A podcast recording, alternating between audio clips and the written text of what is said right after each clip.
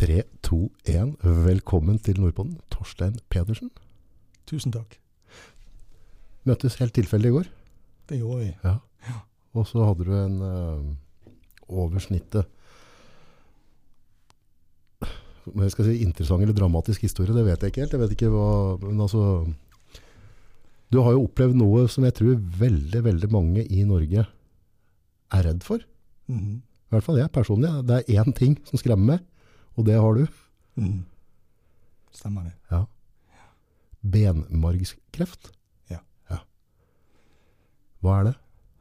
Eh, ja, det, er en, det, er en, det er en kreft i eh, beinmargen. Eh, det er en form for blodkreft. Eh, og den er ukurerbar. Eh, Ingen som har kurert det før? Nei. Altså innenfor den konvensjonelle medisinen så, så regnes han for, for å være helt ukurerbar. Altså der finnes ingen kur. Eh, men så tilbyr de allikevel behandling eh, for å forlenge livet ditt. Hva er livs... Altså, når du fikk den diagnosen, hvor, hvor lenge tenkte Fikk du noe? Tre måneder, ett år, ti år? Nei, det gjorde jeg ikke. Nei, så du hadde ikke noe, noe estimat på Nei. De sa jo at du kan nok sikkert leve noen år med dette. Ja. Eh, men men eh, de presset jo også ganske mye på for at eh, jeg burde komme og ta behandling med en gang. Ja. Så, sånn sett underforstått da at de prognosene de snakket om eh, Du ville ha det i gang så fort som, forut, Forutsatt at jeg tok behandling. så fort som mulig. Ja. Men hvordan, hvordan oppdaga du det? Du, jeg, eh, jeg, jeg, jeg driver med utleie av noen leiligheter eh, også i Bergen. Ja. Og akkurat i forkant av dette så hadde jeg gjort en god del sånn manuelt arbeid. Eh, så jeg var litt sliten i hendene, hadde litt verking i, i hender og armer og, sånn. Og så hadde jeg falt på snowboard noen måneder før. Og så hadde jeg litt vondt i halebeinet, rett og slett. Så jeg, jeg lurte på hva det var som gjorde at det tok så lang tid før det, før jeg gikk over. Um, så jeg gikk til legen, og, um, og uh, der møtte jeg en turnuslege. Det var ikke min vanlige fastlege. Uh, og hun uh, følte jeg ville gå litt ekstra inn i dette. Så, Ja. så hun, hun eh, bestilte hun, hun fikk meg til å ta noen eh, urinprøver også, eh, som hun ville finne ut av. Eh, sa egentlig ikke helt hvorfor hun gjorde det, eller hva det var hun, hun, hun så etter, men hun ville på en måte gjøre en ordentlig undersøkelse.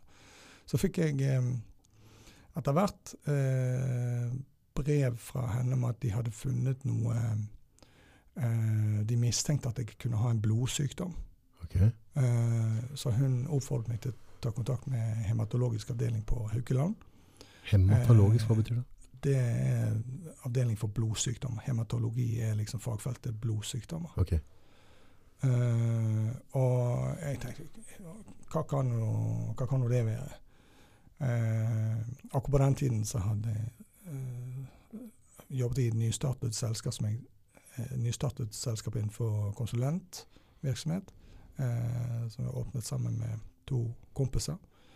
Eh, så jeg, jeg utsatte jeg, jeg skulle egentlig komme ut til henne uh, for en ny samtale, men det, det utsatte jeg. Uh, men jeg, jeg kom etter hvert opp på, på hematologisk uh, avdeling. Og da jeg var kommet inn på, på kontoret der hos legen der, så sa hun ganske raskt til meg, hun nye legen der oppe, da, at eh, vi mistenker at du har en uh, beinmargskreft.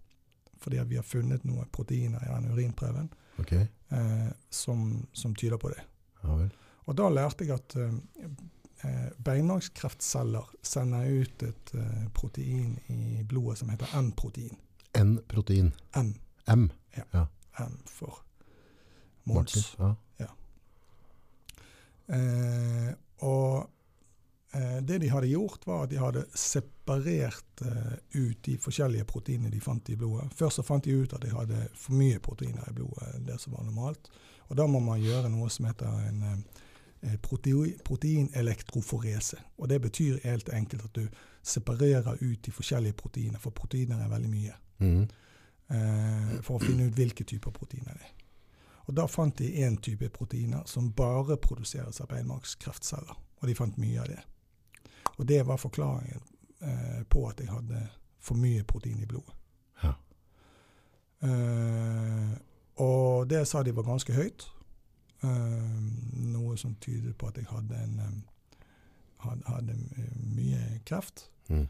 Eh, og da tok de en, en beinmargsprøve dagen etter.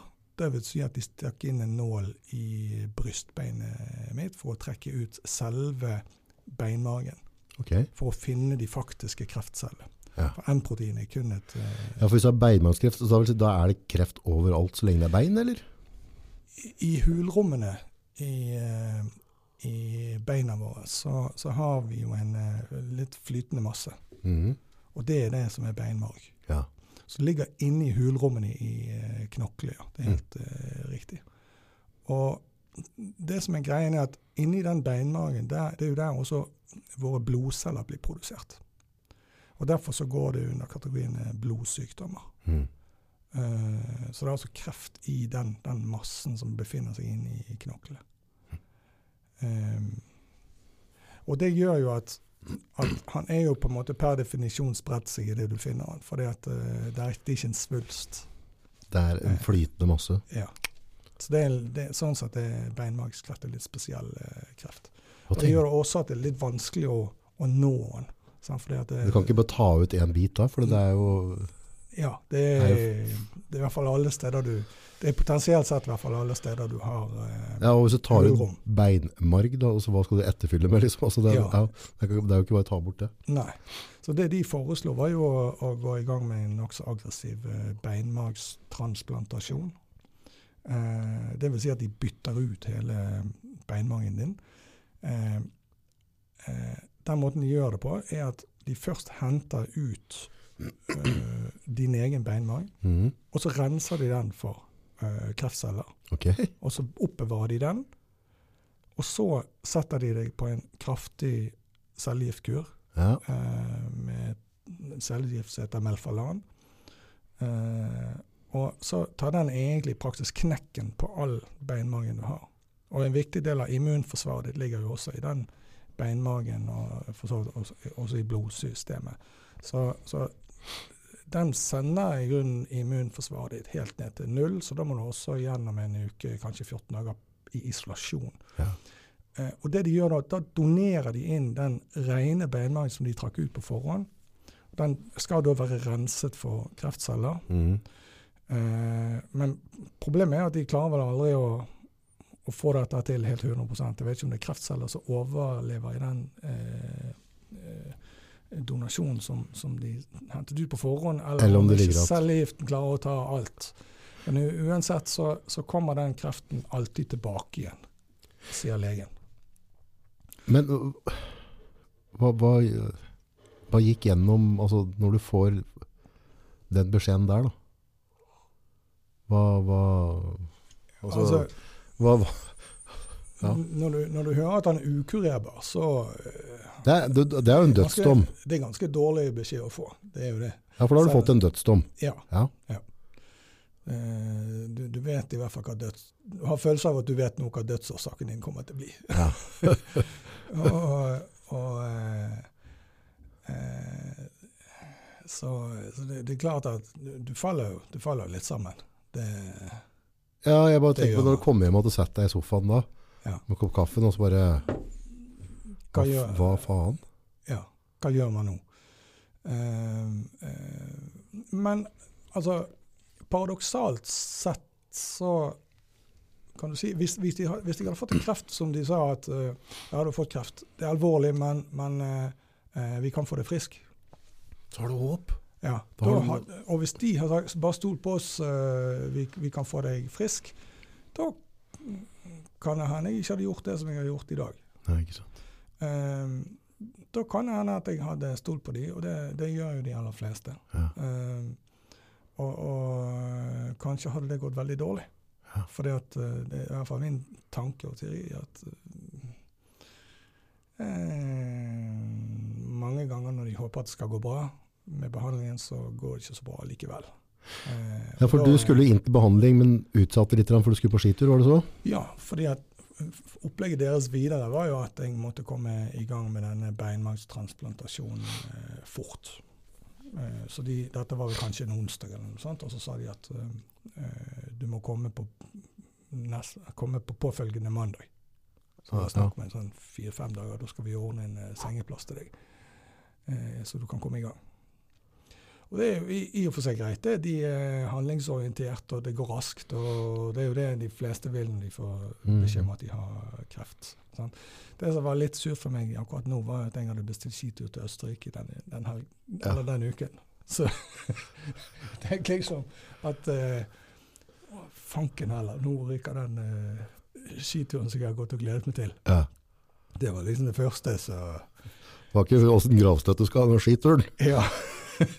så, så, eh, så og så hadde jeg ikke, hadde ikke, hadde ikke egentlig noe vondt. Det var jo egentlig en tilfeldighet. Disse smertene som jeg hadde i halebeina, det var jo, det var jo eh, det var langt ifra plagsomt. Ja. Eh, og det, nå var det nå gått noen, eh, noen måneder, så jeg, jeg kjente jo ikke det lenger. Det hadde jo på mange måter gått over. Det. Normalisert seg litt. Ja. Så, så jeg satt jo egentlig der oppe og følte meg frisk som fisk og klar til å stå på ski i Østerrike. Og så var det noen som sa jeg måtte eh, begynne med beinmargstransplantasjon istedenfor. Ja. Så tenkte jeg OK, men det kan jo pokkeren ikke være så hast. Om jeg venter en uke, Uke fra alt til. ja, så får jeg nå tatt kanskje min siste eh, skitur, i hvert fall. Hva sa legen da? Ja, Da måtte hun snakke med overlegen for å klarere det ut. da. Ja. Eh, så, eh, men så kom hun tilbake til meg, eh, jeg husker ikke om det var samme dag eller dagen etter, om at det var greit. Jeg kunne få begynne uken etter. Mm. Men da er det prekkert. Altså, når de skal klarere om du kan vente en uke, så Da, da haster det. ja, da, da får du et inntrykk av at uh, dette er noe som haster. Ja.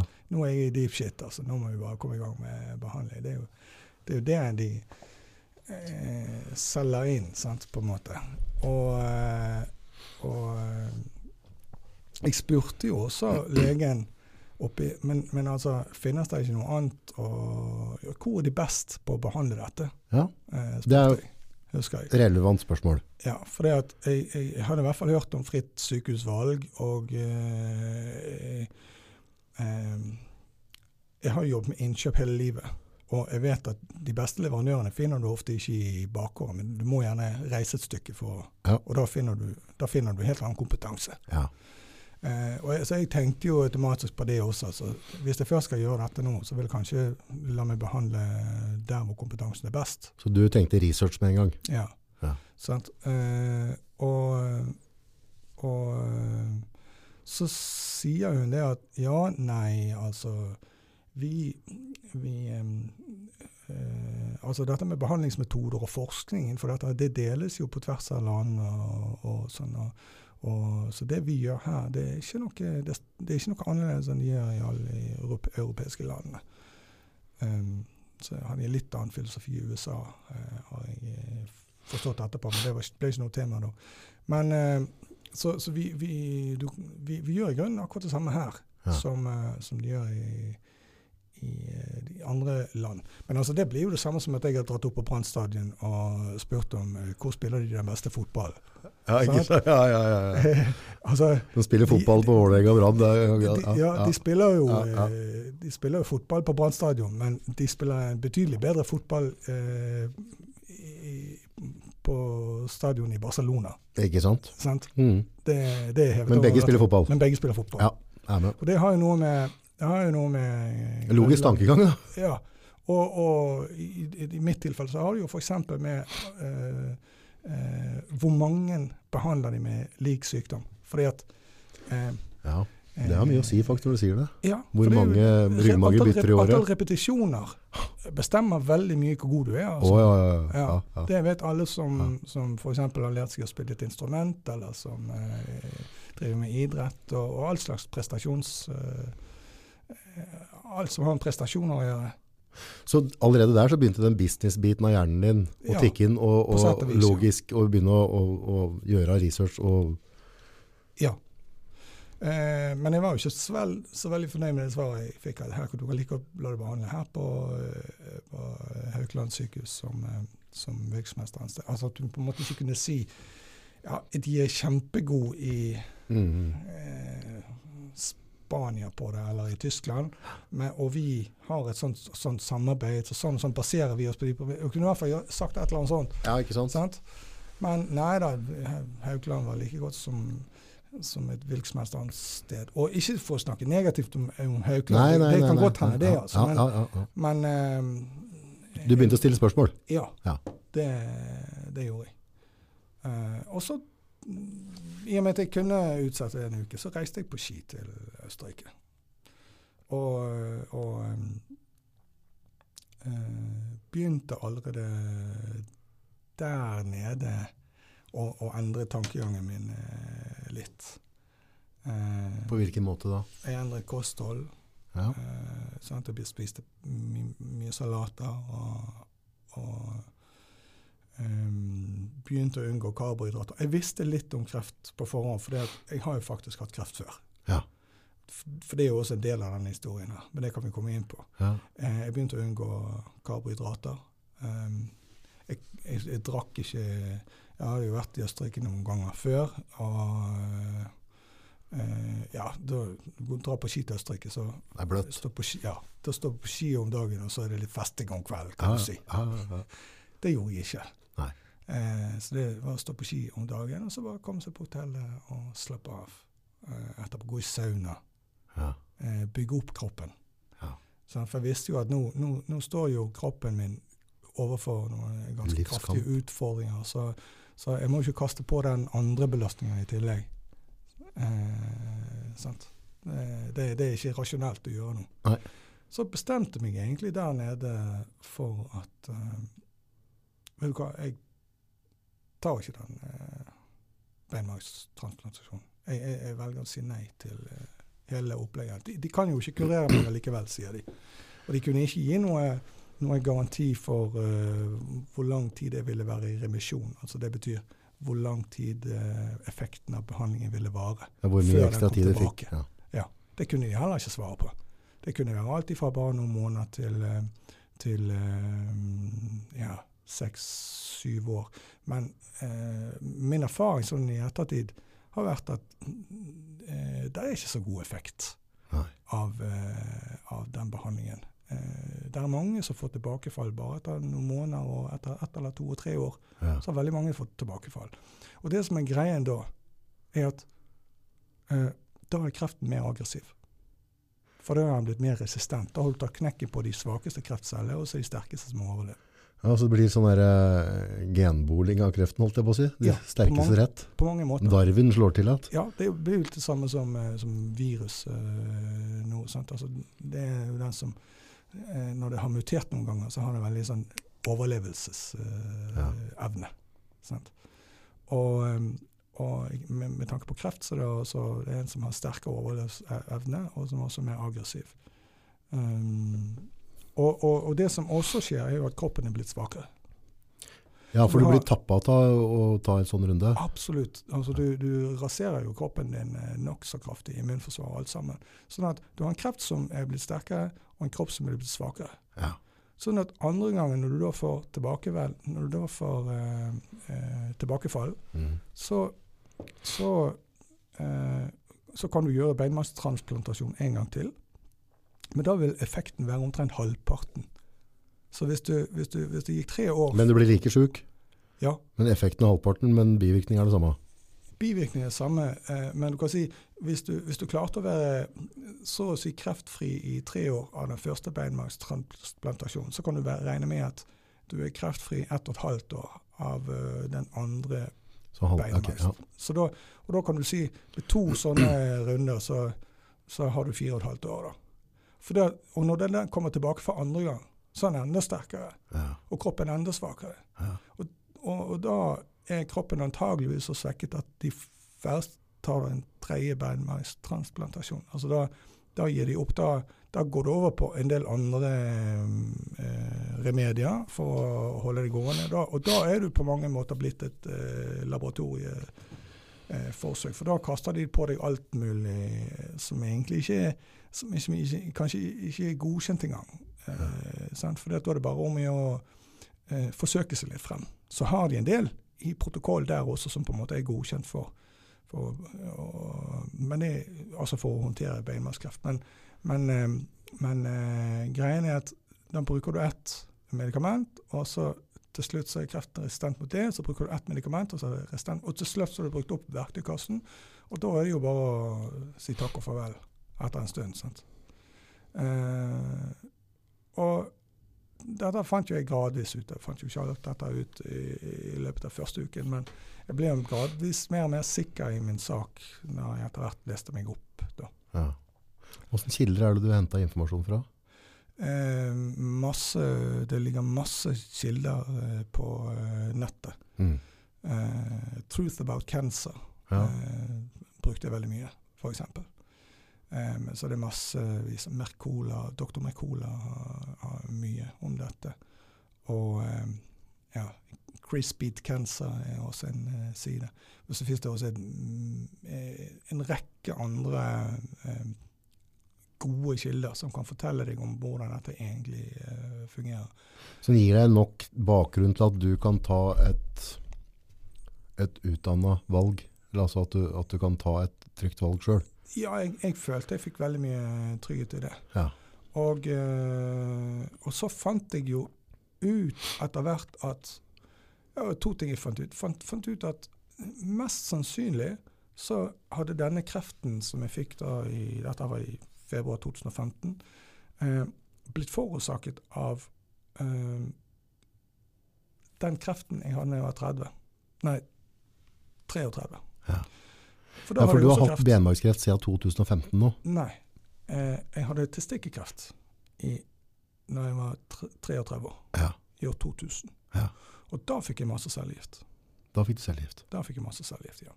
Og eh, på en måte var det fint, fordi at eh, testikkelkreft er en av de få eh, kreftformene hvor cellegift faktisk virker godt. Okay. Eh, så jeg ble kreftfri, fra, eh, og, og, på mange måter er jeg takknemlig for det. Ja. Eh, problemet var at jeg hele tiden hadde en betennelse som, som, ble tydelig på blodprøver. Etter at jeg var avsluttet og erklært kreftfri, så, så var jeg ikke helt frisk, fordi at det var fremdeles en betennelsesmarkør. Men det var en uspesifikk, så de kunne ikke si hvor i kroppen jeg hadde en betennelse. Hvordan oppdager du testikkelkreft? Eh, det var rett og slett bare testikkel hovnet eh, veldig opp og ble hard.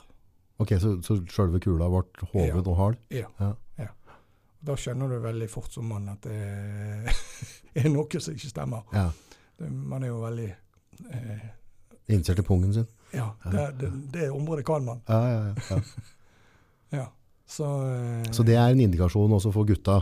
Ja. Altså, vi, så er det, andre, er det, noen andre, indikasjoner på, på testikkelkreft? Altså, eller er det bare stort sett at, at balla blir hard og hoven? Ja, hvis det er noen forandringer i, i, i baller, mm. så, så, kan det være det, ja. Mm. Så det må man gå og få undersøkt uh, veldig raskt. Mm. Ja. Uh, men den betennelsen, den, den uh, gikk aldri over, og så økte den også i styrke. legen min sa hele tiden, for det går jo et sånt oppfølgingsopplegg i, i ti år etter at du har hatt en, en sånn kreft. Han sa at det kun, dette her skal du ikke bry deg så veldig mye om, for dette kan være en eller annen eh, senebetennelse eller mm. halsbetennelse eller et eller annet eh, som gir utslag på denne uspesifikke uspesifikke eh, parameteren. Mm. Den parameteren heter eh, senkning. Ok. Eh, så jeg brydde meg ikke så mye om det. Eh, min ekskone brydde seg faktisk litt mer. Ja. For hun eh, jobbet på Haukeland på den tiden, på laboratoriet for klinisk biokjemi. Og, og så på prøvene mine og syntes det var rart med denne betennelsen, så jeg oppfordret meg til å spørre. Mm. Eh, og jeg spurte, men da fikk jeg som svar at det var ikke noe jeg egentlig trengte å bekymre meg for. Og så var det rare at i 2006-2007 så forsvant den indikatoren fra eh, blodprøvene mine. Altså, for de velger alltid ut hvilke indikatorer de skal måle. Eh, du får liksom ikke et fullt blodpanel. Nei. Eh, Nei, de ha et valg på hva de Ja. ja, de, de velger alltid ut, og det er jo et kostnadsspørsmål eh, også. eh, fra det offentliges side. Så skal du vite veldig mye mer om blodet ditt, så må du kjøpe blodprøver eh, privat. Ok. Eh, så den forsvant. Men jeg, han har jo sagt at det var ikke noe problem, så jeg stilte ikke noe spørsmål om at den var borte heller. Eh, og i 2010 så var det slutt på den oppfølgingen. Og så gikk det fire år til før jeg da kom inn med Og hvor de fant en ny type kreft. Så det er altså en ny type kreft. Beinmargskreft er en helt annen, helt annen kreft. Eh, men det er jo altså en blodkreft. Eh, og det de hang seg opp da, i da, var jo at jeg hadde betennelse i blodet. Mhm. For den var jo ikke forsvunnet. For da begynte jo den igjen. Og da var den skyhøy. og, så jeg har antageligvis hatt en betennelse i beinmagen fra den dagen jeg gikk ut fra Haukeland omtrent. Eller oppstått bare noen uker, måneder etter ferdig behandling. Eh, og da er det jo nærliggende å tro at den har med at jeg hadde mottatt så mye cellegift. For cellegift kan skade beinmargen. Jeg fikk jo også en kunstig beinmarg. Så cellegift er kreftfremkallende? Cellegift er kreftfremkallende. Og det er veldig mange som ikke vet. Ja. Men det ligger jo på mange måter i jordet. Det er jo gift, i hvert fall. ja. Og, og, og, um, så det er jo, det er jo gift for, for uh, den, den kreften du har, men det er jo giftig for hele kroppen når du får cellegift. For du får det jo inn i intravenøst, og det går gjennom hele kroppen. Så det, det, det har noen skadevirkninger òg. Mm. Eh, ja, så, så eh, Og, og den, den eh, cellegiften som jeg skulle få nå for den nye kreften jeg hadde fått, eh, som heter Melfalan eh, Den er også ganske eh, kreftfremkallende. Eh, den kan jo eh, fremkalle akutt leukemi, f.eks. Så en del av de som får Blodkreft, rett og slett? ja. Ja. Altså en regulær aggressiv blodkreft. Og da er det jo ferdig ganske fort, hvis det, hvis det tar av. Og det er faktisk jeg er ikke sikker på tallet, men det er, det er en del som tar den beinmargstransplantasjonen og bruker Melfalan til å ta knekket på beinmargen, som ender opp med enda en ny form for kreft, som da er enda mer aggressiv. Og så er det jo og så, så har de, man plutselig to kreftformer man må håndtere på samme tid. Mm. Så det, men det fant jeg ut etterpå. Det, det var ikke en del av beslutningen min. eh, Men jeg var jo skeptisk til cellegift, selvfølgelig. Og jeg begynte ganske fort å tenke tanken om at denne nye kreften hadde med eh, Forrige behandling. forrige behandling ja. Og eh, mm, ja. Så, så det er de to. Hvor lenge har du gått med den benmargskreften nå? Nå har jeg gått i åtte år eh, siden jeg fikk, fikk diagnosen. Men eh, når jeg etter hvert fikk summet meg litt og eh, sett på blodprøvene mine eh, For det var, det var to ting som, som indikerte, i hvert fall to ting som indikerte at jeg hadde den beinmargskreften. Det ene var jo det at jeg hadde betennelse i blodet. Eller impotens i kroppen. Det andre var at jeg hadde for mye proteiner. Eh, og så var det disse M-proteinene som da kun genereres av, okay. Av beinmargskreften. det var jo interessant for meg å si ja, når hadde jeg for mye protein i blodet. Ja. For jeg hadde jo gått fra 2000 til 2010 og tatt blodprøver jevnlig. Mm. Eh, så har jeg ikke data fra 2010 til eh, 2015, når jeg blir diagnostisert på nytt. Men det var jo interessant å se om jeg hadde for mye protein i blodet, eller når eventuelt det oppsto, i perioden fra 2000, når jeg var ferdig behandlet, mm. og til 2010. Mm. Så det gjorde jeg en analyse på, for jeg, jeg hadde fremdeles eh, blodprøvesvarene Mm. samlet perm. Så la det inn i et regneark og fant ut at eh, jeg hadde for mye protein i blodet allerede i sånn 2005. 2006. I det, det leiet der. Og, og, det stemmer godt med hvordan kreft oppstår. For kreft oppstår eh, ofte som en sånn type lavgradsinflammasjon.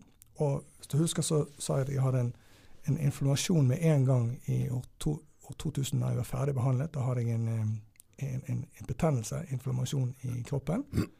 Og så har den holdt på i fem år. Mhm. Og kroppen har ikke klart å, å kurere dette. Sant? For det, det sitter litt utilgjengelig. Det er tross alt inni dette. Det var Mm. beinmagen som antageligvis da var betent. Mm. Også, og når kroppen ikke klarer å håndtere en inflammasjon, mm. da går kroppen andre veien. Da begynner den å produsere kreftceller. Åh. Og det, Så hvis det går med infeksjon over lengre tid, så kan det bli kreft av det? Ja. det er kroppens måte å håndtere en, eh, en, en, en lavgradsinflammasjon som du ikke eh, Så gå med betennelse helt til er ikke bra? Nei, det er ikke bra. Og det, det er derfor dette med betennelse nå er blitt så, blitt så viktig. Eh, eh, og, og, eh, så, så i 2005 da begynte dette å bli kreftceller.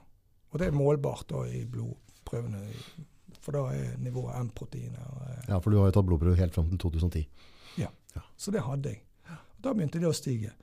Og det, det, det var jo det var på en måte litt eh, betryggende, litt sjokkerende å vite at jeg, jeg kanskje hadde hatt kreft da siden 2005. Dette var jo 2014. Så jeg hadde, når det tidspunktet jeg ble diagnostisert, så hadde jeg sannsynligvis hatt kreft i ni år.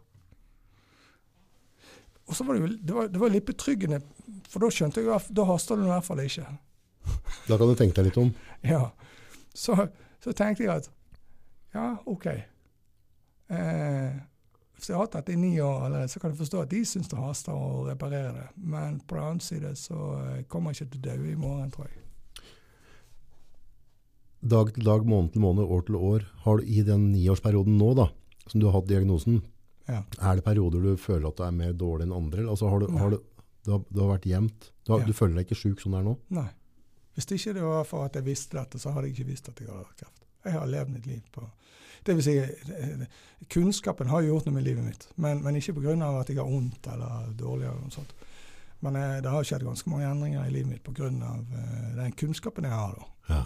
For jeg tenker liksom at ja, her må jeg jo være føre var mens jeg eh, fremdeles er oppegående. Ja, Jeg må gjøre noen riktige ting her. Ja, ja, ja, Sant? Nå har jeg sjansen. ja, vi lever bare en gang. Ja, så, så Jeg begynte jo ganske raskt å juse mye.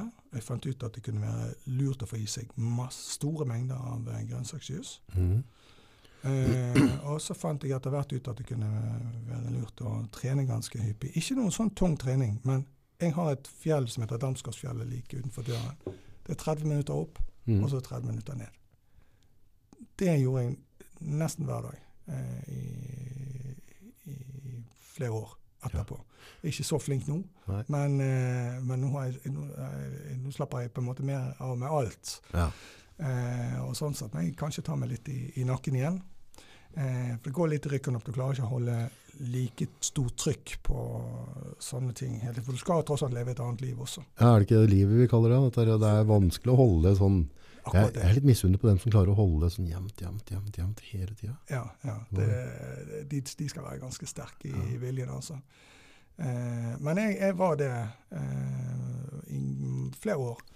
Eh, eh, så jeg juset opp til 13 juser for dagen. Altså 240 eh, eh, 240 milliliter, altså 0,24 liter i, Ja. i hvert glass. Ja. Ganger 10-13 stykk. Oi. Så, og det var veldig mye gulrotjuice. Jeg To og en følte- halv liter med jus om dagen? Ja. ja. Og, så jeg, jeg drakk jo ikke vann i hele denne perioden. Jeg drakk jo bare jus. Eh, og ikke noe særlig annet heller. Drakk jo bare jus. Mm. Eh, så jeg, jeg, jeg spiste jo også mindre, for det var ganske mettende. Eh, men alt dette var bra, for jeg fikk jo en kickstart med veldig mye vitaminer og mineraler. Eh, spiste mindre, sånn, så jeg hadde godt av å ta av noen kilo. Gikk ned fra 95 ned i løpet av seks måneders vei ned i 78, liksom. Oi, ja. Nesten 20 kilo. Eh, så, så um, Og det er også bra når du, når du er syk, at du blir kvitt uh, eksess karbohydrater. Mm. Uh, så begynte jeg etter hvert å, å, gå på fjellet, som sagt. Uh, anskaffet meg etter hvert en infrarød sauna hjemme. Infrarød sauna? Ja. Og, og Hvordan funker det i forhold til vanlig sauna? Infrarød sauna er jo et lys. Mm. Eh, varme med lys. Og en vanlig svensk sauna, som, som, det de aller fleste forbinder med sauna, en sånn tresauna hvor det lukter tre, og du ja. hiver vann på, på, steinene. sant? Eh, det, det, det, det, gir på en måte bare en varme på overflaten av huden. Mens en infrarød sauna trenger jo inn eh, Eh, tre-fire eh, centimeter inn i kroppen og varmer opp. Og den tar også knekken på kreftceller hvis eh, saunaen er, tilstrekkelig varm. Og har en, har en betydelig bedre healingseffekt enn en vanlig sauna. Hva er kostnadsbildet på en sånn, og hvordan funker det rent praktisk? Jeg kjøpte, du, jeg kjøpte en Det finnes jo flere forskjellige varianter og helt sikkert flere forskjellige eh, priser på det. Eh, men jeg kjøpte en som eh, jeg kunne ha der jeg hadde dusjkabinettet. Mm. Så jeg kastet ut dusjkabinettet, og så kjøpte jeg en som er kombinert dusjkabinett og sauna. Så slapp jeg å bruke noe ekstra plass. Oh ja, så du bruker det som et kabinett? Ja. ja. Så står du i en dusj? Ja, står i en dusj. Og øh, det syns jeg var genialt. Jeg betalte 24 000 kroner for det. Ja. Uh, det jeg, fant, jeg fant en nettside som solgte det her i Norge. Lenge står du da? Ja, da, da setter du ned på en krakk der en eh, halvtime. Setter det på. Til og med har med musikk og, og, og greier. Der, begynner å svette, liksom? Da begynner du å svette etter hvert. Ikke egentlig så varm i begynnelsen som en, som en annen sauna. Men når du avslutter, så er den ganske varm. Uh, og så uh, går den av seg sjøl etter 30 minutter. Og så tar vi en dusj, og så er jeg ferdig. Og Gjør du det hver dag? Ikke nå. Nei. Men etter at jeg fikk den i lang periode, så, så gjorde jeg det eh, hver dag. Um, uh, ja. Så, og, og, jeg gjorde altså en del ting. Jeg gjorde en del ting på detox, også for å få giftstoffer ut av kroppen. Uh, og kreftnivået falt som en stein. Okay. Og legen på Haukeland sa at det er omtrent som du hadde gått igjennom en cellegiftkur. Ja. Sa de. Jeg hadde vel, nå husker ikke måleenheten, men jeg hadde altså et nivå av proteiner som lå på 52.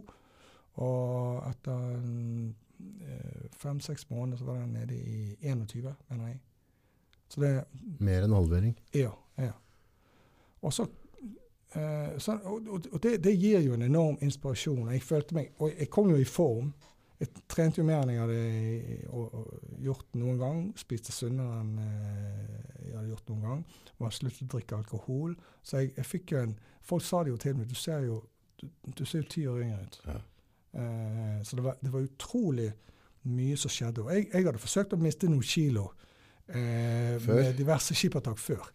Gått på sats og, og syklet noen måneder og sånt. Har liksom ikke har liksom ikke hjulpet. Kanskje mistet en tre-fire kilo, og så er det på igjen før du vet ordet av det.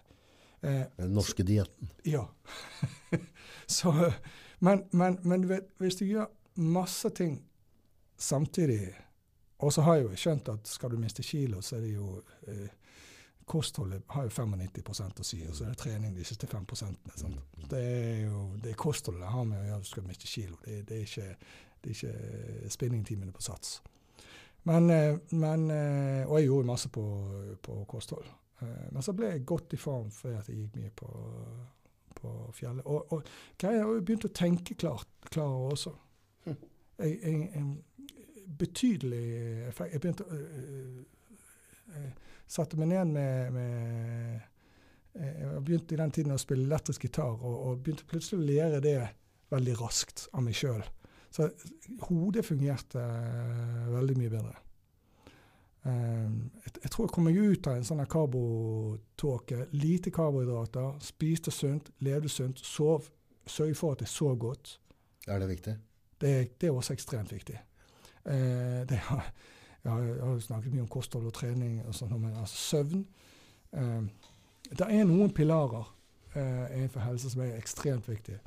Eh, det kan nesten synes banalt, for vi har på en måte hørt det, men vi har aldri tatt alvorlig, egentlig. Mm. Og helsesystemet har ikke Helsevesenet vårt tar det ikke alvorlig. Eh, men det er noen pilarer, og søvn er en av de store pilarene. Eh, hvis ikke du har godt søvn, så, så går det utover immunforsvaret. Eh, du blir mer eh, Det fører til mer stress. Du, du, du får faktisk du, du spiser mer, du spiser unødvendig. Eh, og, og altså, reparasjon av celler foregår jo mens du sover. Den fungerer ikke så godt hvis du ikke får til å sove, eller hvis du sover for lite. Eh, så det er, det er ekstremt mange fysiologiske effekter som betinger at du har god søvn.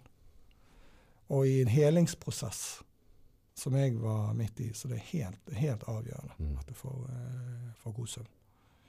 Og, og eh, så har jo jeg liksom lurt på ja, ja når, når tikker dette inn og, og, eh, og begynner å materialisere seg eh, i en enda mer spredt kreftsykdom? Eh, eh, altså, jeg har en annen indikator. Jeg har litt lav eh, eh, nivå av rød blodlegemer. Mm. Det, så da er du anemisk, kalles det for. Okay. Uh, så da får du litt lite oksygen til uh, mindre enn en, uh, en du skal ha, egentlig. Får litt lite oksygen til kroppen. Eh, sånn at de fjellturene var jo ikke bare for å komme i form, det var jo også for å få gjort pusten. Så da får jeg mer oksygen. Så jeg kalte det jo på mange måter for oksygenbehandling. Høyde, høydetrening. Høydetrening. Ja. Og, og det kan jeg også si at når jeg reiser på ski til Alpene, eh, så har jeg noen ganger kommet meg ut av anemien. Jeg kommer tilbake, tar test på Haukeland, og, eh, og de, nivået av røde blodlegemer er betraktelig bedre. Og det er, det er fordi at, det er fordi at eh, Du har vært på høydetrening. ja, kroppen kompenserer. Ja, ja, ja. Fordi det er tynn luft, så produserer kroppen mer av de røde blodlegemene for at kroppen skal få nok oksygen. Hva sier legene når du kommer inn og tar blodprøver og sånn nå, og så du er helt uortodoks og ikke følger Ja, det- mainstreamen? Også? De sier jo mindre og mindre, men så har jo også litt av utfordringen vært at um, uh, i, gjennom disse årene her så, så har det vært legeskifte. ja. Altså, jeg hadde nå en, um, uh, lege nå ganske lenge, frem til nå nylig, eh, og hun sa for noen år tilbake at du er ikke behandlingstrengende lenger. Dette er en stabil situasjon, du har fremdeles kreft, ja da, vi måler vi, men, men ellers alle andre indikatorer tyder på at du er ikke er behandlingstrengende. Og bare det å komme seg ut av, av den diagnos, altså den situasjonen at de står på deg og, og skal ha deg til å ta en behandling, og få deg til å forstå at du faktisk ikke trenger den behandlingen, i hvert fall ikke på kort sikt. For det er jo en litt sånn eh, eh, russisk eh, rulette, da, det er det ene. Pluss at det er nedadgående spiral. For hvis du først tar den ene, Så er det i gang. ja, så er det i gang. Og da har du Du får en- ikke anden den, du får ikke gjort opp igjen. Heldig at du kan få gjort en gang til, men du får ikke en tredje antageligvis. Nei. Da er det panelet neste. Sant? Men vil du gå tilbake på det, altså hvis situasjonen forverrer seg ved et eller annet tidspunkt, vil du seile skuta med flagget til topp sånn du gjør nå, eller har du tenkt at hvis jeg blir fryktelig dårlig, så er jeg villig til å prøve behandling? Det, det, jeg tror det kommer veldig an på hvor vondt jeg kommer til å få det. Okay. Hvor mye lidelse jeg har. Altså, hvis, hvis det er at du kommer i en situasjon hvor du har store smerter, mm. så kan du jo i hvert fall føle deg nokså presset til å, til å gjøre noe med, med de smertene. Mhm. Eh, men jeg er, ikke, jeg er ikke der, og jeg har ikke noen indikasjon på spredning. Dette sprer seg til resten av skjelettet.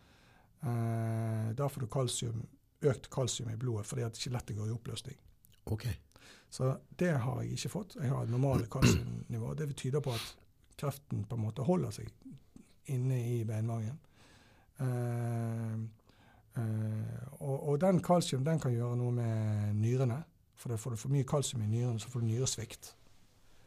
Nyrene mine fungerer også helt fint. Og, og det er også viktig at både nyrer og, og lymfer eh, blir behandlet pent. Mm. Eh, og lever, ikke minst. Så da er det jo viktig å unngå ting som er tungt for eh, Altså tungfordøyelig mat, f.eks., og alkohol. Eh, sånne ting som belaster nyrer. Hva anser du som tung, tung, tungfordøyelig mat? Ja, altså Hvis du spiser mye kjøtt og mye, mye eh, nå, nå spiser jeg kjøtt, altså. Eh, men lenge så gjorde jeg ikke det. Nå, nå spiser jeg eh, nok en, en del, men jeg forsøker å spise økologisk kjøtt.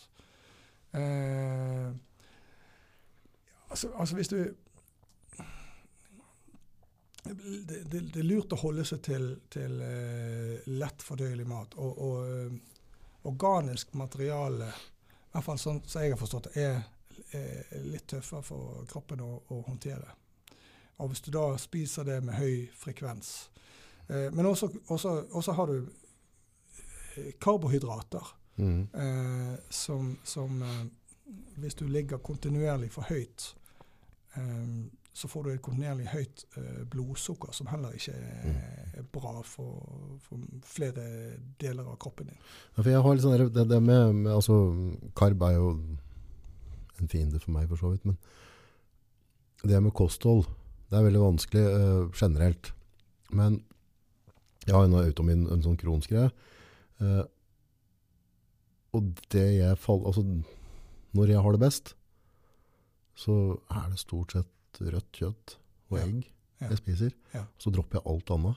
Så hvis jeg på en måte noen uker Egentlig eneste kalorier jeg tar i meg, da, er gjerne biff. Ja. Entrecôte eller et eller annet. øh, og avstå å drikke vann. Mm. Bruke salt. Mm. Så er jeg veldig lite på do. Mm. Så fort jeg legger på salat, eller legger på ris, andre ting, så kan det 10-20 ganger om dagen Ja, På do. Ja, med full diaré. Ja. Og det på en måte tapper jo også energien, så gjør at jeg får fatigue igjen. Og så samtidig så vet jeg også, liksom, mange mener at du skal være forsiktig med kjøttet.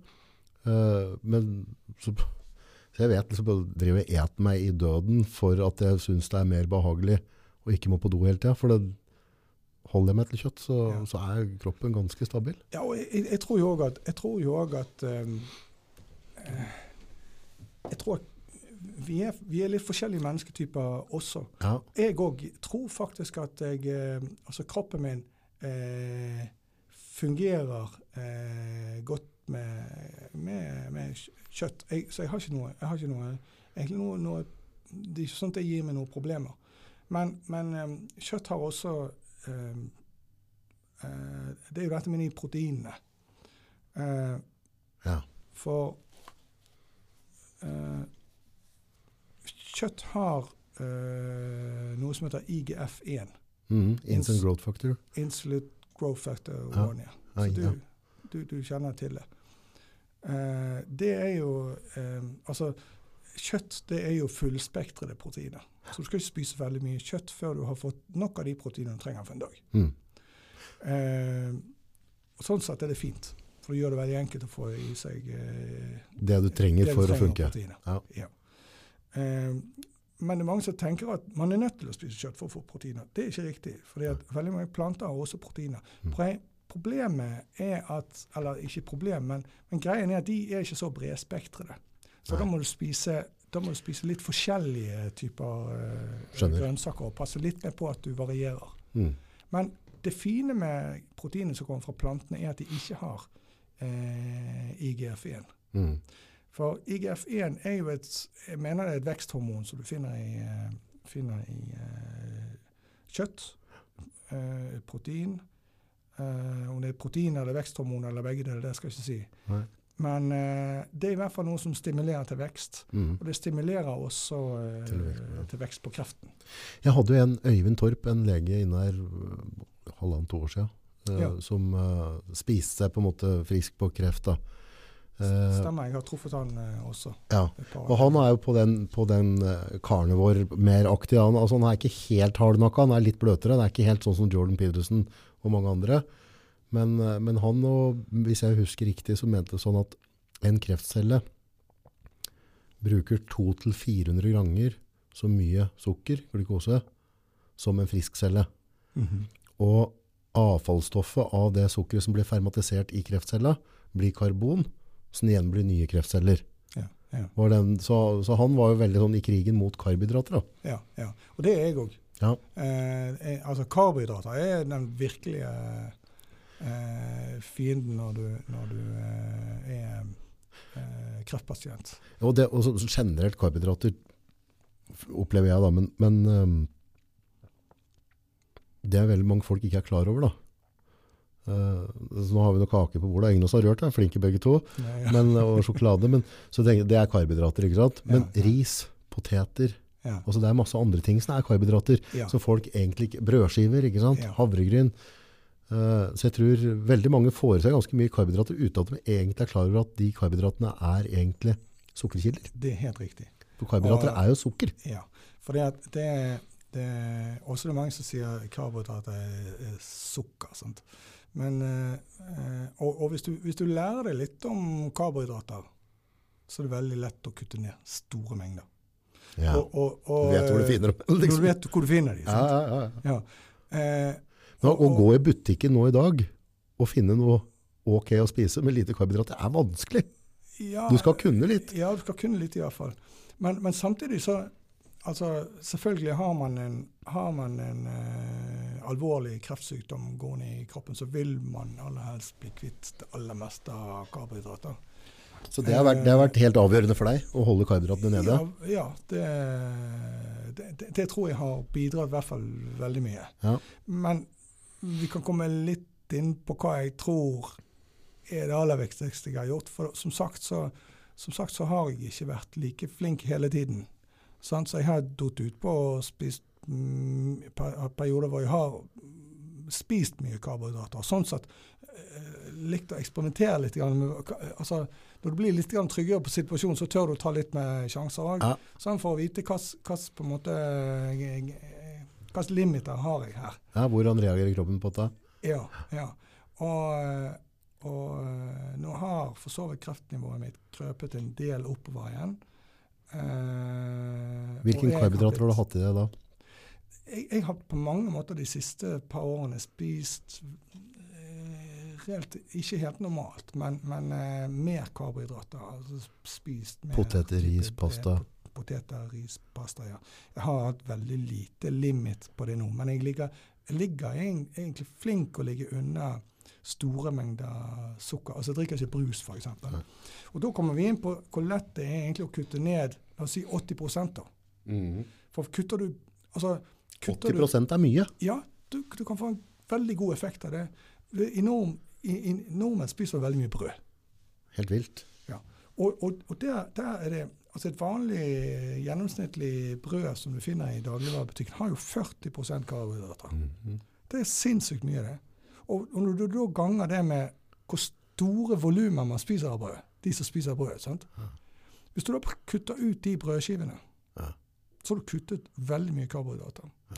Hvis du da i tillegg kutter sukkerholdig drikke For det, når det er flytende karbohydrater, så går det jo rett i blodet også. Altså Det du spiser, det går nå ned i magen, og så, og så blir du Behandla på et vis. behandlet på et Ja. vis. Og så eh, forsvinner en del ut igjen og sånt. Men med flytende karbohydrater, altså cola, eh, brus og den type ting, det går jo rett i blodet. Ja. Og det er også store mengder. Ja. Tenk, man drikker jo man drikker jo raskt en, eh, en, en flaske cola, liksom. En halv liter. Ja, ja, ja. Sant? Har du den i kjøleskapet, så er du ute på kjøret. Og det er også store volumer. Så hvis du kan bare kutte ut de to tingene, så har man kuttet veldig mye karbohydrater. Begynn å drikke, drikke vann, og så fylle med noe annet enn brød. Bruker du lightbrus i hele tatt? Nei. For det at lightbrus, det har, det har andre ting som heller ikke er bra for kreften. Det har ikke så Mm. mye sukker, men så har du aspartam og alt dette greiene som, som også immunforsvareren bruker ressurser på å skille ut. Og, og eh, Ok, så det er avstå fra det. Ja, jeg drikker helst uh, som regel bare vann. Jeg drikker litt, uh, jeg drikker litt alkoholfri øl, mm. uh, som du så i går. Men, men ikke mye. Det er gjerne bare en flaske. Eh, sånn at eh, det jeg, jeg, jeg, jeg tillater, meg, tillater meg litt nå, men det Mm. blir aldri de store mengdene. Og det blir aldri denne store festen Nei. ut av det. Jeg, jeg prøver jo festlig og, og sånt allikevel. Men, Ja, han blir jo flinkere når du øver på så blir han ganske flink på det. Ja, det, det er noe med det også. Det er rart hvis du har denne alkoholfrie flaska, og så begynner jeg å bli litt sånn tipsy, så Ja. blir du litt tipsy sjøl òg. Selv om du bare har det. For du, du blir jo ja, det Det gjør det. For, det. for det har jo ikke bare med alkohol å gjøre. Det har jo med at man skaper en kjemi og en god, Mm, en god mm. dialog eh, osv. Og så blir man mindre og mindre avhengig av den. Og også etter hvert, med årene når du blir eldre, så blir du man jo også så trygg at man klarer å fungere i eh, veldig mange sammenhenger uten nødvendigvis å Drikke. å drikke. Og jeg merket jo sånn også når jeg drakk, altså før 2015, at jeg måtte jo egentlig drikke mer og mer for, for å få noe effekt ut av det. Mm. Så jeg ble jo på en måte litt resistent mot alkohol også. Det ble jo egentlig større og større mengder hver gang jeg festet. Mm. Og det, jo, det, det var jo en refleksjon jeg gjorde, at dette jeg skal slutte med på et tidspunkt. Og så fikk jeg den i trynet i 2015, og da var det bare tiden å gjøre det. Så du har ikke brukt alkohol etter 15? Jo da, det har jeg. For Ja. dette er litt utpå der òg. Ja, Da ja. er det snakk om, da er det snakk om et rødvinsglass. Oh, ja, ok. Så det er ikke noe mer enn det. Ja, nei, jeg, jeg, det er ikke en trelitersblær og en liter whisky, liksom? par, par, Jeg kan, kan kanskje telle det på under en hånd, holdt jeg på å si, de gangene jeg kanskje har drukket en tre-fire øl. Det var helt spesielle eh, anledninger. Og kanskje jo- har blitt litt tipsy, men det, det er snakk om en tre-fire ganger på en eh, syv-åtte år. Men Nå er det jo på en den eh, livsstilendringa du har gjort da, etter diagnosen din, har kanskje spart deg for et hjerteinfarkt, liksom. Ja, Du det blir er jo faen så god form. Effekter, mange sekundæreffekter av det også. Ja. Veldig mange. Ja. Eh, altså, det, altså det, er, det, er jo, det, er jo, det er å gjøre noe på kosthold, det er å gjøre noe på trening, bli litt mer aktiv. Det er å gjøre noe på stress, stressreduksjon. Det er å sove bedre. Det er å sørge for at du drikker nok vann. Jeg må Ja, kjør på. ta med vann, forresten.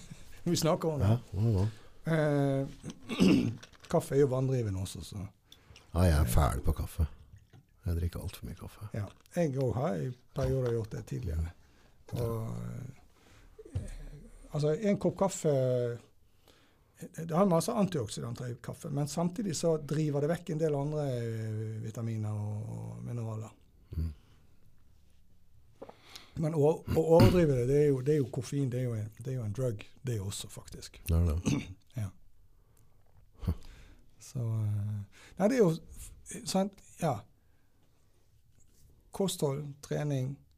Eh, Sørge for uh, at du ikke stresser. Sørge for at du sover godt. Mental helse har det mye å si. Absolutt. Den mentale helsen sørger for at du har gode, nære relasjoner. Sørger for at du har det godt med deg sjøl, at du ikke har bekymringer. Um, sant? Det går egentlig under dette med å redusere stressfaktor. Gjøre noe det, med det du kan gjøre noe med. Mm. Komme deg ut av usunne relasjoner eller forhold eller sånt. Hvis det er noe som, som, som plager deg. Ja. Eh, men en del ting kan man selvfølgelig ikke gjøre noe med, så det må man prøve å håndtere. Så livet er jo, livet er jo der. Og, er det, kan det stemme det at jeg har hørt at sånn bitterhet kan føre til kreft? Altså, folk som har absolutt. ja, sånn livmorkreft, hvis folk som har vært utsatt for, eh, for overgrep og sånn, så, så øker den sjansen. Ja. Traumer kan også føre til, eh, føre til kreft. Jeg, jeg har jo en, har en teori om at det at min far fikk kreft elleve måneder etter at jeg eh, Elleve måneder etter, ja. ja, etter at jeg ble diagnostisert. Tror jeg hadde noe med traumene som vi gikk igjennom når vi fant ut at, at sønnen var kurert, eller Ja. eh, diagnostisert med ukurerbar kreft.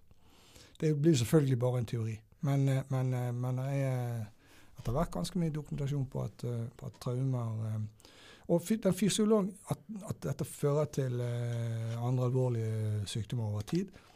Eh, og den fysiologiske sammenhengen er veldig enkel. Det, og det er fordi at har du et traume eller en stressituasjon, mm. så fører det til at kroppen produserer mer kortisol eh, enn det kroppen strengt tatt trenger.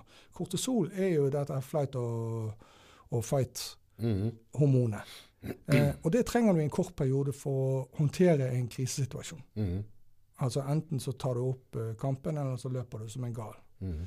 Ehm, eh, men når du går i en kontinuerlig stressituasjon, så produ produserer kroppen da kontinuerlig dette eh, hormonet, som i lengden er skadelig for kroppen. Mm. Eh, det gjør at kroppen blir eh, blir eh, Altså du får et, du får et surere kroppsmiljø eh, som i større grad legger til rette for eh, eh, fremvekst av kreft. Mm.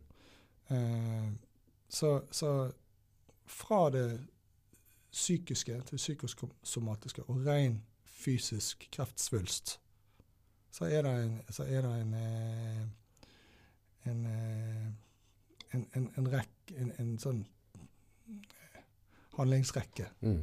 som, som skjer. Eh, det, og det er fascinerende. Vi er jo vi er jo én organisme. Mm. Og eh, altså, Det er bare å se på rødming, f.eks. Det, det er jo en fysisk reaksjon som skjer pga. følelser. eh, Ja? Ja, tenk Det, det, er så ja. enkelt. Når du føler gåsehud på kroppen, det jo, du kan jo se Ja, at det- hårene reiser seg. Ja. Men allikevel bare med hva du har opplevd inni hodet. Ja. Så det, det, det, er jo så, det, er så tett knyttet, Mm.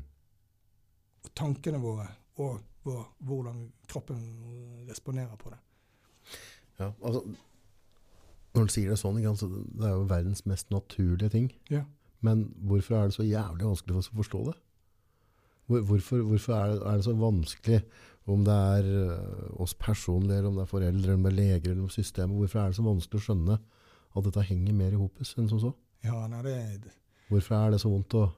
Det blir som Å tante. Erna som driver og øh, prater på ditt og datt og styr og stell, ikke sant? Så, så er det ingen som prater på ta vare på, tren litt folkens, få litt frisk luft, sørg for Ja. at du har god mat. Ja. Altså, det, det var ikke med det. Nei, Nei, men et eller annet fra en eller annen legefirma, ja, det skal vi prate om. det skal vi prate om. Ja, men men uh, ta vare på dekk før folk, ta vare på dem rundt dekk. Ja. Pass på å ha det hyggelig. Og, og eh, altså det er, jo, det, det er jo relevant i, i den eh, situasjonen som vi har vært i nå de siste snart tre årene. Mm. For når, eh, når eh, den hendelsen skjedde i, i mars eh, 2020, Mm. så var jo den eneste løsningen fra regjeringens hold Mm. eh, og, og Helsedepartementet at, at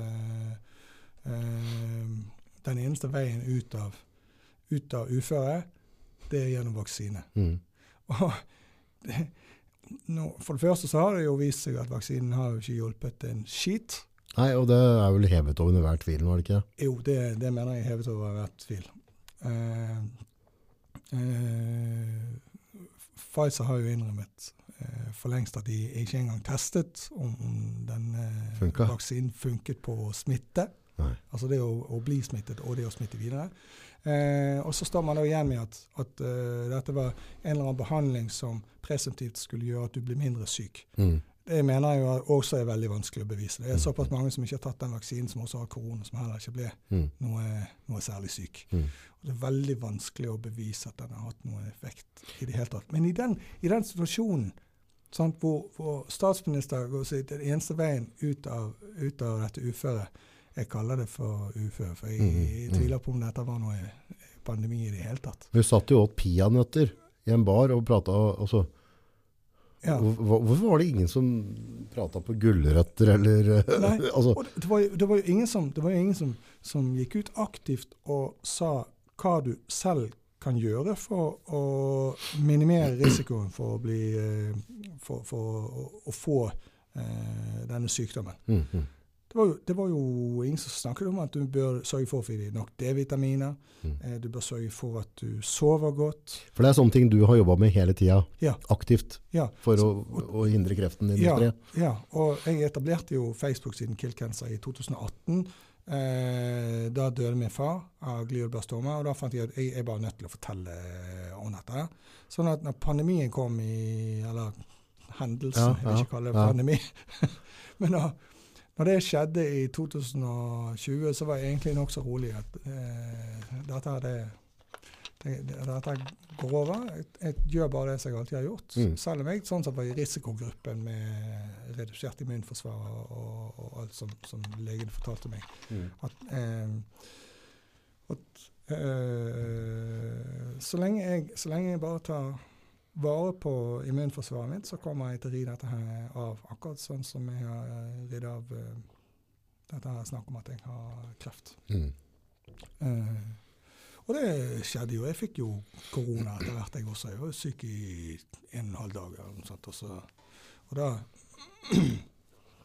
da Da var vi på bobiltur i Tyskland, så jeg kjørte gjennom hele Tyskland, helt nord i Danmark, med, med korona. Det, det var ikke noe problem. Nei. Så jeg minimalt syk av det. Mm. Ble frisk ganske fort. Min kone fikk det et par dager etter meg, og frisk ganske fort, hun også. Mm. Eh, og vi har ikke tatt, tatt vaksiner eh, eller injeksjoner, Nei. noen av oss. Eh, og ganske mange andre historier også.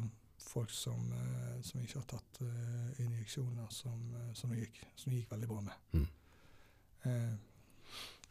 Så så at, at, at, at det trengs at noen snakker om hva du kan gjøre for å forebygge sykdom, det ble jo det ble tydelig som aldri før når du så hva det var eh, vår eh, regjering og Helsedirektorat og, og Folkehelseinstitutt eh, drev på med i, i, eh, i denne perioden. Det var ingen som snakket om Den burde, folket burde bytte navn, den gjengen der. ja, det var ingen som snakket om man, hva man selv kan gjøre for å styrke sin motstandskraft.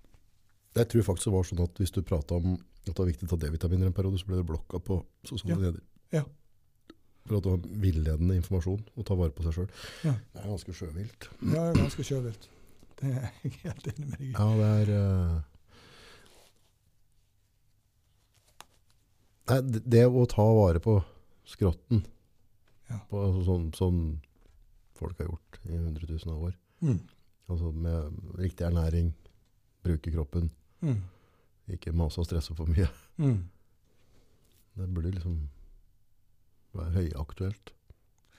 Ja, absolutt. Men vi blir jo eh, vi blir mindre og mindre flinke til det. Og, og vi spiser mer og mer industrialisert mat også, som, eh, som eh, og, og to måter å se på industrialisert mat på. Det ene er jo eh, eh, altså type E-stoffer og alle de Mhm. tingene vi ikke vil ha i, i kroppen vår. Eh, og det er ikke alle disse E-stoffene som som er så voldsomt farlige. Altså det E-stoff er, er på en måte bare en kode for, for å- gi en, en kode på veldig mange eh, tilsetninger som sånn sett ikke er nødvendigvis er skadelige alle sammen. Nei, nei. Men, men det som, det som eh, men, men noen er jo noen stoffer du absolutt bør unngå. Mm. Men, men eh, det, som er, det som er det skumle med industrialisert mat, eh, det er jo at man har eh, tatt vekk enzymene i veldig mye av industrialisert mat. Ja, at det er sterilisert så fælt selv. Ja, fordi at folk, folk, folk snakker veldig mye om vitaminer og, og mineraler. Folk, og og det, det vet folk på en måte hva er, sånn noenlunde. Men det er veldig få som vet hva enzymer er, Mm. og hvor viktig de er for kroppen. Eh, men enzymer, det er, det er jo det som gjør at ting eh, eh, harskner og blir eh, re reagerer med oksygen. Ja. Eh, når du kutter et eple, så, så ligger det en, eh, ti minutter på bordet, så det er brunt oppå. Riktig. Og, og det er enzymer som reagerer med, eh, med Som oksiderer eh, når det kommer i kontakt med, med oksygen. Eh, men disse enzymene de får man fra frisk frukt og grønt. Ja. Og for så vidt også fra, fra kjøtt mm. og, og fra, fra ekte mat. Mm. Men det, i, i, i veldig mye av det som er industrialisert mat, og spesielt det som du finner i pakker, og sånn, så er disse enzymene eh, tatt helt bort for at ikke det skal harskne. Så det, ligger, det, det er utelukkende et industrielt eh, en, en fordel industrielt sett, Mm. fordi at da kan ting stå i månedsvis i hyllen.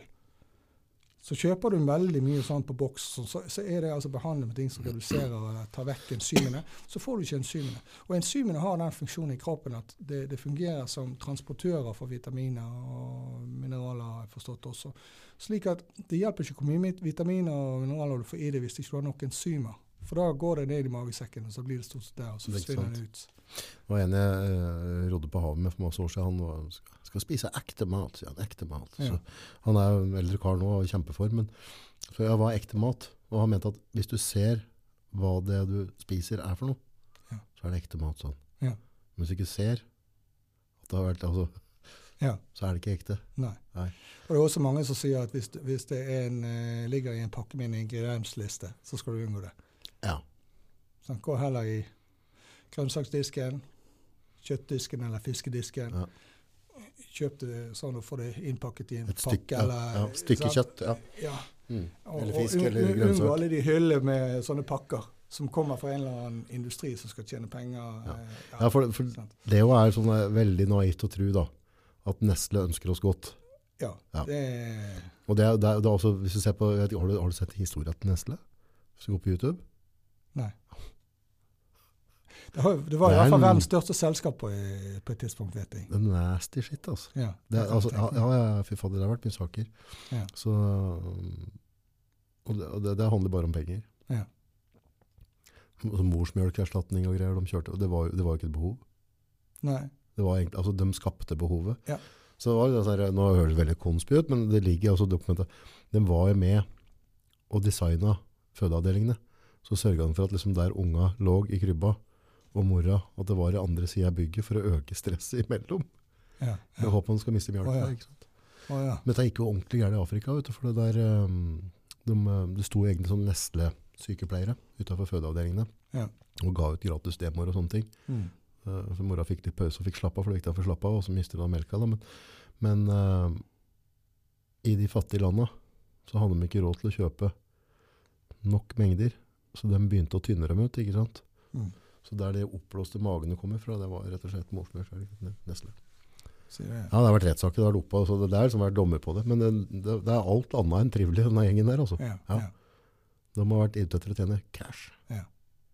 Ja, altså eh, Man kan selvfølgelig diskutere hvor kynisk eh, disse industriene er, men, men det man må vite, i hvert fall, er at de er der først og fremst for å tjene penger til sine aksjonærer. Og, og penger gjør ting med folk. Altså, du har jo prester som i utgangspunktet har gitt livet sitt til Gud, som blir råtne med, med kollekten. Altså, altså, det, igjen, altså penger. Og det, og det, det, er, det er bare en sånn menneskelig greie. Penger. Ja, ja. Gull og glitter, altså. Ja. Det, det tar rotta på oss alle hvis vi, hvis vi legger for mye fokus på det. Og, og du kan si eh, hele, he, altså hele, hele salgsargumentet er til stor del av denne eh, den industrien av, av industrialisert mat. Det er jo enkelhet og Mm. hurtighet. Det er jo ingenting sammen med næring å gjøre. Det, jo, det, det, har på, det har jo gått på bekostning av Mm, mm, eh, næringsverdien. mm, mm, Eh, og det, vi må ikke være naiv, så naive og, og, og tro noe annet. Mm. Så det, de, de selger på enkelthet eh, fordi man ikke gidder å lage til, eller man eh, sant? Man, skal, man skal spare tid. Eh, det, er ingenting med Og, og, og spiser, man, spiser man for store mengder av dette, altså jo mindre, jo bedre. Spiser man for store mengder av dette, så, så, så begynner man etter hvert å mangle en god del av de tingene som du finner i, i annen frisk, Mm. riktig mat. Du mangler enzymer, men du mangler også fytokjemikalier som du får i eh, Hva er det? Fytokjemikalier er alle de andre vitaminene eh, i eh, frukt og grønt som, som ikke har fått et navn ennå. Ok. Og vi har jo vitamin. Vi har A, B, og C og D og E. Ja. og så K-vitamin har vi. Eh, og det også eh, litt forskjellige typer, for B3 og osv. Men det er jo ikke så veldig mange. Nei. Poenget er at eh, frukt og grønt inneholder tusenvis av eh, stoffer Som ikke er lista. som ikke er listet, Mm. og, og som, vi, eh, som vi, vi vet om.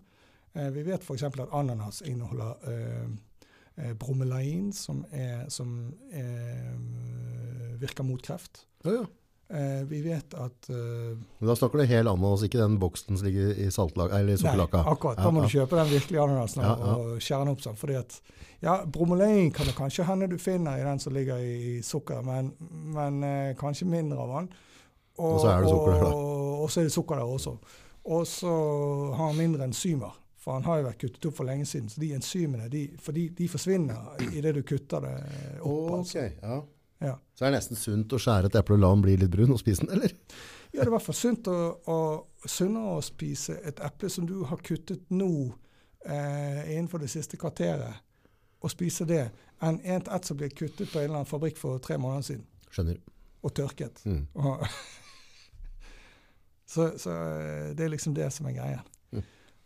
Mm. Og eh, ja, altså disse eh, Tomater har lykopen. Mhm. Eh, Kapers har et veldig virksomt, virksomt stoff som heter kersitin, Ja, det, jeg har det i i boksform. ja. Ja. Ja, Jeg kjøper den, så jeg bruker den sammen med D3 og sink. Akkurat. Ja. For jeg hørte at, det, at det, hang, det var litt sånn hånd i hanske. Ja, ja. Og hvis du får det sånn eh, naturlig fra maten, så er det beste du kan spise, er kapers. Det er disse små grønne Ja, det, som du kan legge opp i salater. og- hadde vi ikke forska på det når den der, eh, det tilfellet som vi prata på, så, så var den, kom det veldig godt ut av det mange i India, og de pratet på den kresetin, at det var veldig mye i kostholdet. Nei, det er, til- kurku, det er kurkumin. Kurkumin, det. Ok. Det er kurkumin. ok. Og det finner, kurkumin finner du i gurkemeie. Ja. Eh, og veldig mye indisk, den indisk mat. Ja, Ja, det er den du har. ok, Ja. Ja, ja. Ja, det er jo det der oransje Ja. stoffet. Ja. Ja. Og det er jo, det er jo veldig potent eh, kreftmedisin, egentlig. Okay, ja. Så, så kurkumin, kersetin, lykopen i tomat, eh, bromelain i, eh, i ananas, eh, sulfur eller svovel i brokkoli og kål. Svovel? Ja. Eh, så det er bra å slutte på fyrstikken? Kanskje. Jeg vet ikke. Nei, jeg tror nok at, tror nok at det, det er litt av greien at disse her de må være i sin naturlige form. Ja. Sånn som du får dem. Og det, det er derfor det også er på mange måter bedre Ikke i alle sammenhenger, kanskje, men på veldig mange sammenhenger så er det bedre å få det i naturlig form. Spise de grønnsakene. Det er bredspektret. Det, Det ligger jo litt i korta, ja, det ligger litt i kortet. For Ja. det, det er da det er før det er ment før det er tukla med. Ja, før det er tuklet med. Ja. Ja. Ja, for ingenting blir, altså ja, utukla. ja. Det er stort sett bra, det. Ja, i stort sett bra. Altså, Unntaket kan kanskje være kurkumin, eh, som er veldig vanskelig å få i seg i nok mengder til at det skal gjøre noe forskjell når du bare spiser det rein fra en, eh, en gurkemeie. Mm. Eh, og, og den skal helst også blandes med, med pepper, for at den, den, da gir det en veldig potent effekt i den kurkuminen. Pepper, er det bra? Pepper er bra. Er det, ja? Ja, ja. Jeg drev tar litt de grann på biffen min, eh, men jeg, jeg, bare, jeg bruker bare Himalaya-salt. ja. Eh, hvis jeg spiser veldig rent, da, så kjenner jeg at jeg trenger en del salt. Ja. Altså Hvis jeg på en måte hiver blaffen i Grandis og brød, så merker jeg at jeg, at jeg får et annet type saltbehov. Da bruker jeg som regel den der eh, Himalaya, da, for det er den jeg har kjøpt. da. Ja. Men nå i senere tid så har jeg hatt litt lyst på pepper, og så har jeg tenkt sånn, er pepper bra? Det er bra. Er det, ja? Ja, ja. ja. Altså, alt av krydder kommer fra planteriket. Ja. Og, og, så du finner ulike fytokjemikalier i all type krydder også. Um, uh, så, så, og, og det har anticancer-effekt. Så har man kreft, så må man begynne å bruke forskjellige typer krydder. Og så er det noe som også er, er, det, det er noe som, som, som snakker om at det er matsynergi også. Så hvis du putter flere av disse komponentene sammen, så har du, får, kan du få en synergisk effekt ut Ja. av det. Det vil si at to pluss to blir da åtte, eksempel. Ja, ja, Ja. fordi at de har en tendens til å forsterke hverandre. Så er det noen som virker mot hverandre. Mm. Eh, jeg har ikke egentlig satt meg så veldig inn i det. Det eneste jeg vet, er at eh, f.eks. For, mye, for mye koffein eh, det, det er litt sånn kontra mot en del av de andre. Derfor, Det er en av grunnene til at man skal være forsiktig med å drikke for mye kaffe. fordi at det, det slår i hjel en del av effekten på andre vitaminer og mineraler. Mm. Eh, ta en kopp om morgenen, da får du den, eh, da får du den eh, eh, antioksidanteffekten som er av kaffe, Mm. men eh, drikke noe annet resten av dagen, okay. egentlig. Ja. Ja. Har du lest ned? Å, ja. Vil du ha litt til? Du, så det, det kaffegreiene har vært eh, Takk skal du ha. Holder det. holder det. Ja, det Kaffegreiene har, har fulgt med meg lenge. Altså, jeg er veldig glad. Jeg kan drikke sikkert en liter eller to om dagen. liksom. Ja, jeg, jeg gjorde det før også, nå, nå, eh, og det har gått litt sånn i bølger med meg, for jeg òg er egentlig veldig glad i kaffe. Jeg får vondt i huet hvis jeg dropper å drikke det en dag. Ja, men, men, det, men det, det er midlertidig. Mm. Det, det varer en uke eller 14 dager. Mm. Det samme som sukkersuget også. Når man kutter ut karbohydrater, så får man et ekstremt eh, sug etter karbohydrater. Det også går jo over etter en 14 dagers tid. Sånn som du har jo sånn, eh, mange som går på carnivore, da. Eh, altså, Ja, ja, Rødt kjøtt og så kanskje noe egg eller et eller annet. Da. ja. Og kutte ut helt, nærmest over på sånn keto. Jeg har prøvd det også. Mm. Eh, Det hadde ikke så veldig stor effekt på min eh, kreft. Men kan jeg si jeg, jeg lurer jo jeg har jo, jeg har jo på mange måter eksperimentert veldig mye. Ja. eh, frem og tilbake. Jeg har egentlig ikke første, den største effekten det fikk jeg det første halve året. Når, jeg Når var? Veldig, ja, når jeg juset. Og trente. Og ble klar over hele situasjonen og gikk ned i vekt. Eh, men så har kreftnivået sånn sett gradvis krypt opp igjen. Og nå er jeg sånn sett litt sånn på leiting etter hva er det som, er det som egentlig har en effekt på min, på min eh, kreft. For nå er han på en måte tilbake der jeg skulle ønske at han var lavere. Mm. Men på den annen side så har det helt bra. Har ikke noe vondt. Går til kontroller hver tredje-fjerde måned. Og kan fremdeles stå på ski og, og er absolutt i, i kjørbar stand. Mm. Så, så, så eh, Men samtidig, hvis den er høyt, så er det kanskje på tide å gå tilbake til justen og treninga, da, og så få Ja. det litt ned igjen. Ja, så jeg har juset nå siste, siste måned, men jeg har ikke gjort så mye nei, siste par måneder. Eh, men jeg har ikke gjort så mye som tidligere. Og nå, kan jeg, nå ser jeg ikke så mye effekt av det jeg gjør, men så klarer jeg, har jeg ennå ikke- klart å være like Nazi. Dedicated nazi som det var de første to årene. For det har skjedd mye annet i, livet. mitt også det siste, siste året. Og Tenker du mye på døden? nei, Nei. det gjør jeg ikke. Jeg er ikke redd for døden heller. Tror du på livet etter døden? Nei, dessverre. Det, det, det Jeg misunner dem som tror på livet etter døden. Ja. For meg så blir det ikke logisk nok, så jeg klarer ikke å tro på det, men det hadde vært jævla Det hadde vært jævla kult. Ja, for det er ikke noe stress. Chill, mann. Ses litt senere. Ja, og så den oversikten du får. Ja, Du kan se alle og eh, intervenere litt hvis du, Ja. hvis du er den som tror på men jeg, jeg klarer ikke å tro på det.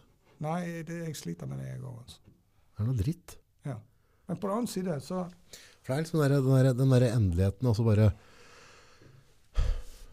det, det, det, det er jo ikke noe å grue seg til, for det blir ikke verre enn sånn at når du legger deg til å sove, og du har en, sånn, en svart natt, du husker Ja. ikke noe. Det Nei, er bare bort, borte. Jeg tror det blir akkurat sånn. Ja.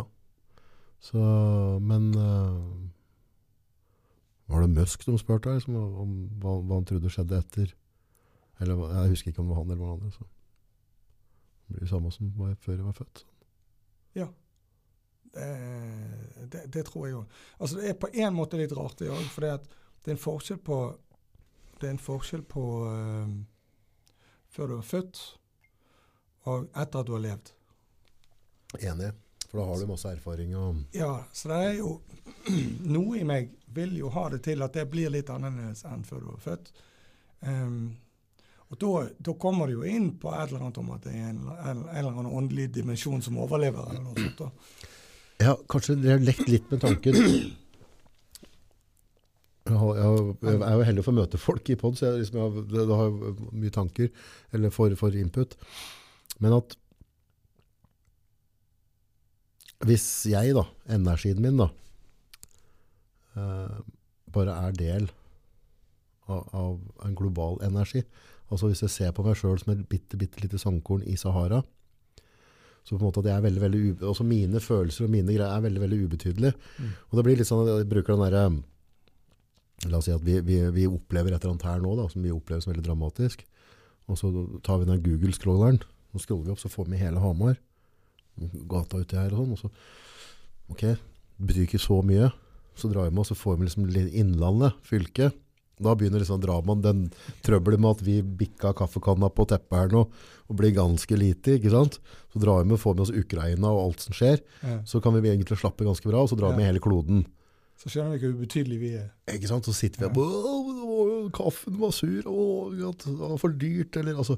Ja. Så på en eller annen måte, så der, hvis jeg på en måte hadde klart innerst i hjerterota å akseptere at jeg bare er en liten, veldig, veldig, veldig liten bit i en, et større puslespill, og hvis jeg skader deg, så skader jeg egentlig meg selv, for Mm. jeg og deg, vi er egentlig Mm. linka sammen, Mm. ble jævla spirituelt der, men, men på en eller annen måte så syns jeg det er litt lettere å leve da.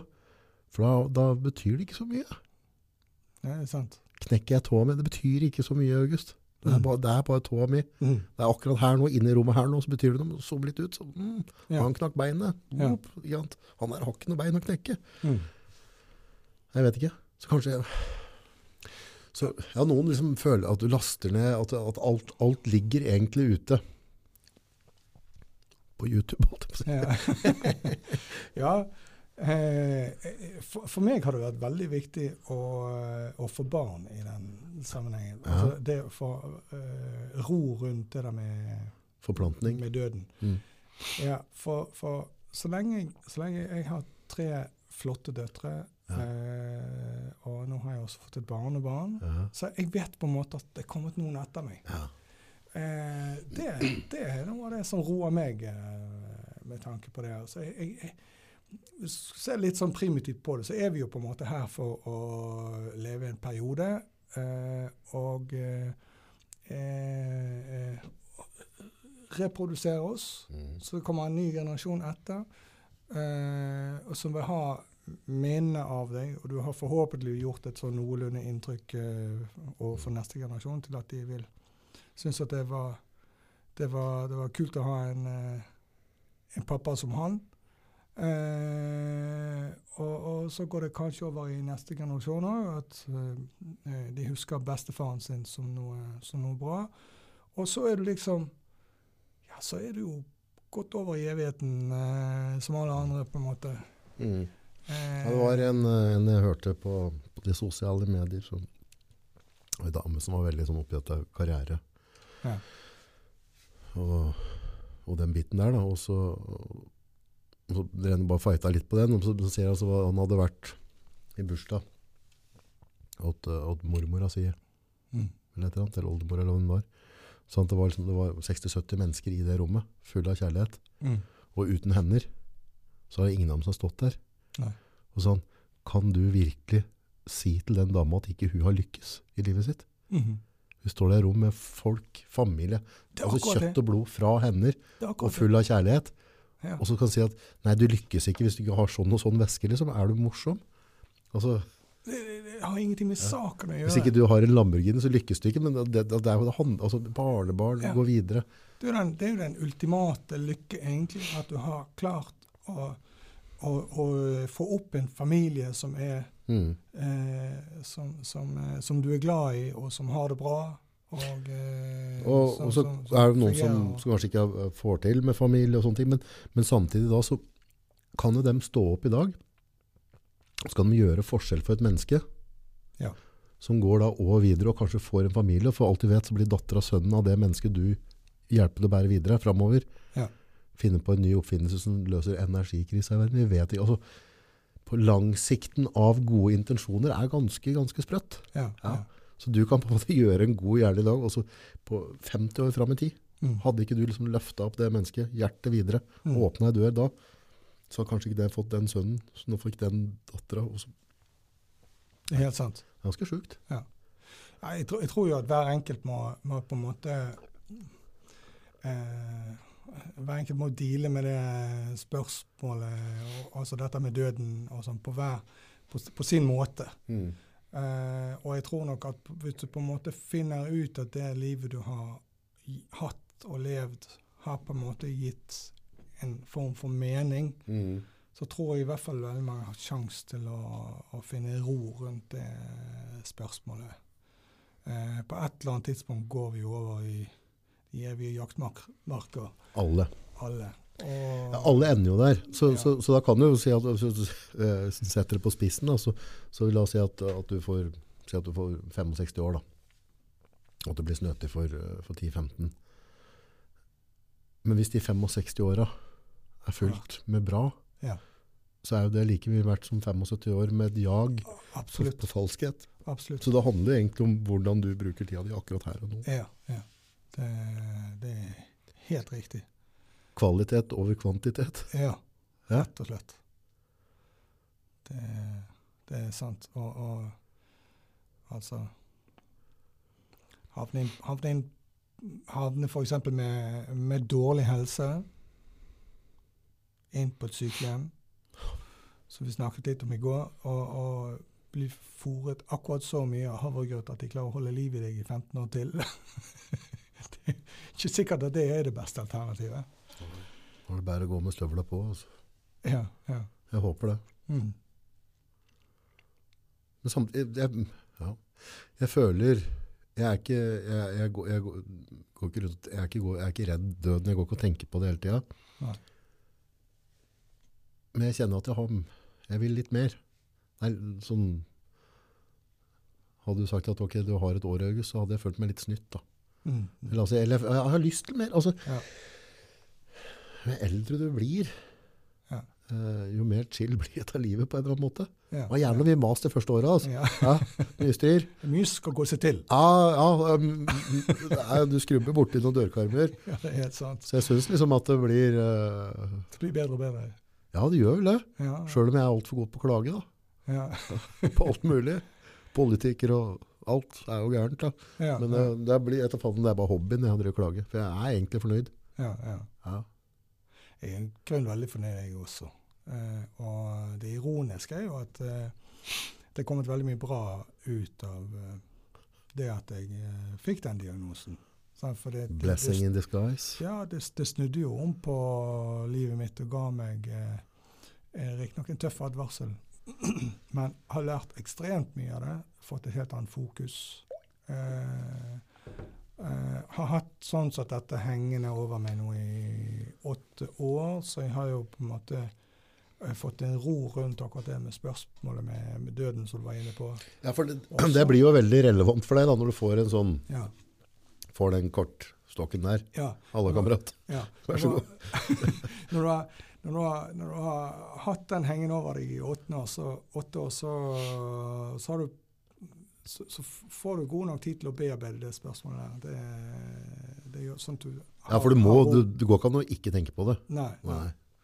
Eh, og, og, og du er ja, Altså, jeg, jeg er jo strålende fornøyd med at jeg eh, lever nå åtte år etter jeg fikk diagnosen. Ja, uten å ha tatt imot en, en dråpe cellegift eller, eller noen form for behandling. Um, og det, og det, det har gitt en egen ro og trygghet. Og, og når jeg nå kritiserer farmasøytisk industri og vår konvensjonelle eh, eh, system for å behandle kreft, så føler jeg jo på mange måter at jeg, jeg har min ord i behold. Og jeg kan gjøre det fordi jeg kommer fra pers pasientperspektivet. Sant? Jeg har ikke så veldig mye å tape. Nei. Eh, Ja, du har jo prøvd behandling en gang. Du har jo Ja. følt det en gang, og så er det en gang du ikke har følt det. ja, Eh, og så, så føler jeg jo på en måte, når vi pratet i går, og så er du veldig på, dette er din vei. ja, Så du er ikke noe prest som går og sier, altså, nå skal ikke du ta den medisinen, og så dør du om dagen etterpå. Altså, folk må finne sin vei, men det er lov å tenke litt selv. Det er lov å tenke litt sjøl. Og, og eh, jeg, jeg skal ikke egentlig legge meg opp i om, om, om Altså i, i hver enkelt sak hva som er det riktige valget, for det finnes veldig mange forskjellige kreftformer. Mhm. Eh, folk, er ulik, eh, folk er ulikt motivert, er i ulik fysisk form og har ulike evner og, til, å på en måte kunne ta tak i, i tingene sjøl. Så det må man ha stor respekt for at hver situasjon er, er forskjellig. Ja. Men når det er sagt, så er det, så er det eh, altså en, del eh, nøkkelfaktorer Mm. som er viktig både for å unngå at du får kreft, eh, og å bremse, skråstrek reversere den kreften du allerede har. Sånn at du får så mange leveår Mm. som mulig. Og, og sånn sett eh, handler, handler det sånn sett ikke om å bli helt kvitt kreften. Eh, for, for altså mange former for kreft kan du jo faktisk leve veldig lenge med. Ja. Hvis du bare tar vare på kroppen din eh, ellers. Men det, det er en sånn tendens til at det skapes altfor mye panikk når det er en kreftdiagnose.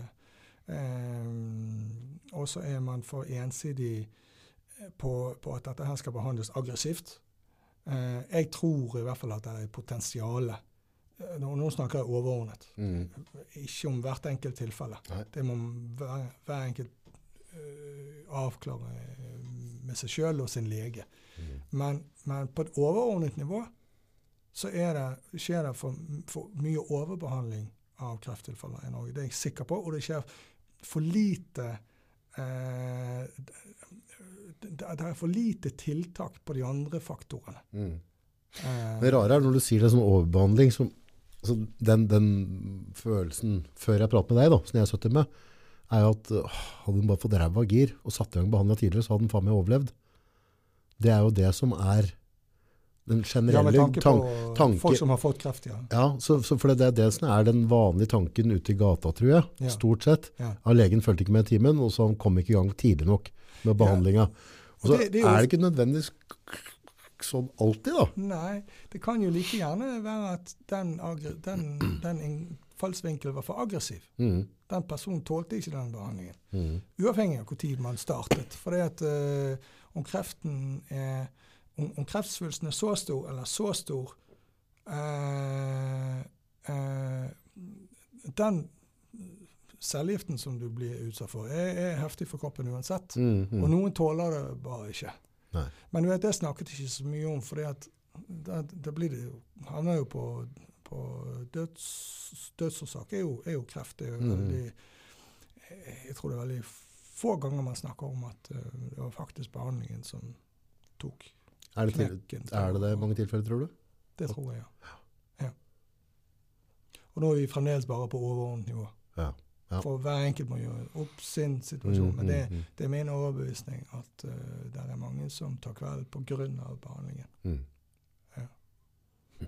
Og hvis de hadde, hvis de hadde eh, gått noen runder uh, med seg selv, funnet sport, altså hvor effektiv denne behandlingen er eh, mot den kreften jeg har, begynte begynt å se på dette, og så begynt å gjort andre Altså gjort veldig mange tiltak i tillegg. Ja, for det, det jeg liker med det du har drevet med, er at altså, det- du har jo ikke Du har jo ikke nekta å prate med leger, men du har, du har målt underveis Ja. og, og fått da direkte resultater på hva, hva gjør jusen, hva gjør treninga. Ja. På samme måte nå, så er du på en måte, nå sitter her nå, så vet du at det er en økning nå. Ja. Så nå sitter du foran et valg. Ja. Eh, å gjøre noe med det, eller Ja. la det gå sin gang. Da. Ja da, og, og øh, nå var det en økning en periode. Nå er det stabilisert igjen. Ja. Og det tror jeg har noe med at jeg har, jeg har tatt litt tak i det. Så nå, nå er på en måte kurven flat igjen. De to Mm. siste målingene er helt like. Mm. Så nå har jeg på en måte bremset den som gikk oppover. Mm. Og det tror jeg har med øh, Har jeg vært i en stressituasjon mm. siste, siste året. Eller jeg har veldig mange utfordringer på det private plan, så ikke sånn så trenger jeg å gå inn i. Mm. Eh, det er løst nå. Uh, tingene er stabilisert. Jeg har, jeg har håndtert de. Uh, uh, og så har jeg begynt å juse. Mm. Eh, ikke vært nok flink til å trene. Jeg bør likevel gå oftere nå på fjellet, så det kommer jeg til å begynne med nå.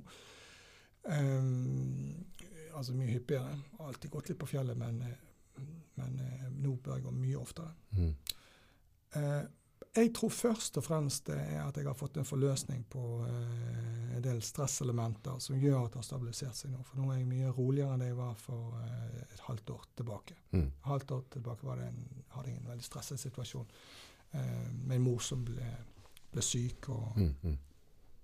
og et stressende oppussings... Eh, eller ikke oppussings, re rehabiliteringsprosjekt i huset som jeg eh, var tvunget til å gjøre. Eh, så så ja, det var en ganske tøff situasjon eh, som førte til mye stress Mm. Mm. og mye bekymringer. Jeg sov dårlig eh, i lange perioder i den tiden der. Eh, og jeg tror at det, det økte kreftnivået mitt. Mm. Rett og slett stress var den største faktoren. Mm. Og så kanskje også at jeg har vært litt slapp på, på kosthold og sånt. De sier jo det er stress og er liksom sånn hjerteinfarkt. da. Ja. Stress mye, så, så får du det. Ja, ja. Stress på et hjerteinfarkt. Altså, stress, stress det er jo ikke bra. Nei, altså, det er jo, det er jo det er masse dokumentasjon om på at stress er farligere enn røyking. Mm. Mm. Og Så, så at du stresser ja. sier litt. ja, nei, altså, Blir stresset nå? og det, det uh, Nei, jeg, jeg har ikke så veldig mye stress i livet nå. Ja, det er bra. Men, eh, men det handler om at jeg på en måte prøver å fighte forbrukeren i meg. da. Altså, jeg, det, har, det har gått opp, sånn gradvis gått opp for meg at jeg Se at jeg har vært med Matrixen. Da. Altså, jeg har vært, vært en forbruker. Mm. Eh, å være forbruker for meg nå, altså hvis jeg, hvis jeg på en måte forbruker for, kjøper for mye, eh, skal være med på alt hele tida, så, så lurer jeg meg litt sjøl. Altså, Mm. jeg, jeg går inn i kveg Det gjør bare at jeg må jobbe mer, Mhm. og at jeg får det tightere. Så liksom å, å tro at du kan kjøpe til seg lykke, da. Mhm. Jeg, tror ikke, jeg tror ikke det nødvendigvis er en sannhet for meg. Nei, det, Det det kan være forskjellig for andre, men, men jo mindre jeg klarer å ha av alle slag i kjøleskapet, Mm. gjerne ha god kvalitet i kjøleskapet. Flott Mhm. kjøtt og fisk, og, så jentene mine skal ha god mat. Det er ikke Mhm. det. Men jeg trenger liksom ikke to forskjellige tomatslag og 18 forskjellige oster, og, og så Nei, så bare står der og blir gammelt. Ja. Jeg må ha kvalitet på det jeg har. det, det er helt sant. Altså eh, min, min kone er fra Brasil. Ja. Og kommer fra noe enklere kår enn det jeg kommer fra. Det tror jeg med trygghet kan si. I tillegg så er de mye, er de mye ute i Brasil pga. klimaet. Mhm. Så hvis du drar til et hus i, i Brasil, så har de ikke så veldig mye Nei. materielle ting. Nei. Eh, og, og, og det er jo en av de tingene hun hele tiden forteller meg, og som hun har, har gitt henne en helt sånn oppvåkning. Når hun kommer, kommer til Norge og ser hvor mye ting vi har, Mm. så sier jeg ja, men det har jo, med det har jo litt med at eh, eh, klimaet er dårligere. Vi tilbringer mye tid inne, så vi må ha noen greier. og okay, ja. Vi må ha bilder, og vi må ha dekorasjon, og vi må ha noe, eh, greier å holde på med, Mm. og, og bøker og, og mye greier. Eh, ja, da, så forstår hun det til en viss grad, men hun ser også den, den ekstreme, eh, mye mer materialistiske verden vi har i Norge mm. i, i forhold til eh, Brasil. Mm. Eh, og, og i hvert fall det livet som hun hadde, eh, som, som kom fra nokså enkle Veldig- i Brasil. Veldig mange hjem kan du ikke ha en vinduspost som ikke er fylt opp med porselen og alt mulig. ikke sant? Nei, sant? Jeg blir nesten litt sånn stressa av det. Ja, ja. Moderen hun blir stressa av meg, for jeg har nesten ikke noe på vegga. Nei. Hun bare Ja, og, du, og du kan bare kjenne på det stresset du, du Får det for mye har inn, så når det blir for mye f.eks. på et kontor. Eller sånt. Du får ikke gjort noe som helst fordi at tingene rett og slett tar energien din. Ja, Ja. tar det. ja, de eier det. Ja. Det blir for mye inntrykk. Ja. Så eh, det gjelder å, å rydde litt opp. Ha det jeg, jeg er for dårlig på det selv. Nå har jeg vært igjennom akkurat som, som jeg sa, et sånn eh, oppussings- rehabiliteringsprosjekt. Eh, Ja, pluss at, plus at min, min, eh, min mor eh, havnet på en institusjon, og vi måtte selge hennes leilighet. Eh, og så solgte jeg en utleieleilighet som jeg hadde i Bergen også, så jeg hadde mye ting, for den var møblert. Og alt havnet jo i kjelleren nede hos eh, meg. Så, det, vi- så vi, vi svømte jo over av, av ting i et halvt år. Så vi, vi har jo vi har solgt på Finn unna Ble hyperent, eller bare å snakke om det? Ja, ble ble helt stresset. Og, og min kone ble stresset òg, av Mm. alle de tingene vi vasset i som vi ikke hadde plass til, men som allikevel var brukbare ting. Så vi, vi, vi kjørte jo en del på gjenbruk, og en gang så ga jeg vekk en masse brukbare kjøkkengreier til en familie som kom fra Ukraina. Og det var jo, jo rørende inntrykk å bare få gi det, for de, var, de hadde ingenting. Nei, ikke sant? Det, Du hadde for mye. ja, da hadde det for mye. Og så, så, så dem, dem, dem har ikke det de trenger, og du blir faen meg dårlig til at du har for mye av det du altså, Ja, ja, Sjuk er ikke verden, da. ja. det, Gjerne, folkens. Ja, Da Rydd opp i garasjen, da. Så, så det, det eh, Nå skal ikke vi bli helt sånn Hare Krishna og bare syting. Jo, vi kjører men, på. men, eh, men jeg, tror at, jeg tror at man kan komme langt ved å redusere. Altså. Det, Ja, det ja. jeg er mer og mer enig med min, eh, min kone i det perspektivet som hun eh, har eh, på det. altså. Prøver liksom å ta Og så blir hun, hun i ferd med å bli litt mer materialistisk, sånn som meg. Så vi, Ja, ja, ja. vi nærmer oss hverandre. Finner det. Ja, men det blir jo litt sånn hvis du er svingen innom bensinstasjonen, og så er du tyst da, når du sier på Innlandet, og så tar du en, en halvliter med Cola Zero, Ja, 42 kroner. ja, ja. Og da har jeg bare begynt å stoppe meg, og så bare, er denne opplevelsen Verdt det du gjør med 42 kroner? Og da er svaret 10 av 10 ganger nei, mm. ikke sant? Og jeg tror du reduserer immunforsvaret ditt med, med vesentlige prosenter. Så snakk om det er 20-30% reduksjon i immunforsvaret ditt. Jeg tror i seks timer eller sånt, etter at du har drukket den eh, Sier han. colaen. Bare slutte med det. Ja. Nei, jeg drikker ikke mye brus. Jeg er flink på akkurat den. Mm. Så, men det er for at jeg aldri kjøper den. Mm. Har jeg det så drikker jeg det. Kjøper Ja, en sånn ja. Da går jeg som en sånn kalv og sutter. Og få noen isbiter oppi glass, da, og så Cola Zero. Og da er, liksom, da er alt, da er livet perfekt. Ja, ja. Nei, skal han ikke ha det. Går ikke an å ha det i huset. Nei. Nei, altså, jeg, jeg går Hadde jeg hatt hatt kakeboksen her hjemme, ja. var det slutt på den i natt. Vi hadde besøk i, fra Brasil av, av sønnen til min kone og, og svigerdatteren. Eh, og, og, så vi gjorde litt sånn vanlig normal jul og kjøpte en Twist og, og, en del greier. Så vi har gjort litt unntak fra en del regler som vi ellers har nå i julen. Eh, og jeg òg er sånn. Jeg sliter når, jeg, når tilgjengeligheten blir for god, altså. Da sliter jeg. Det er menneskelig. Vi er Ja. mennesker. Så sånn er det.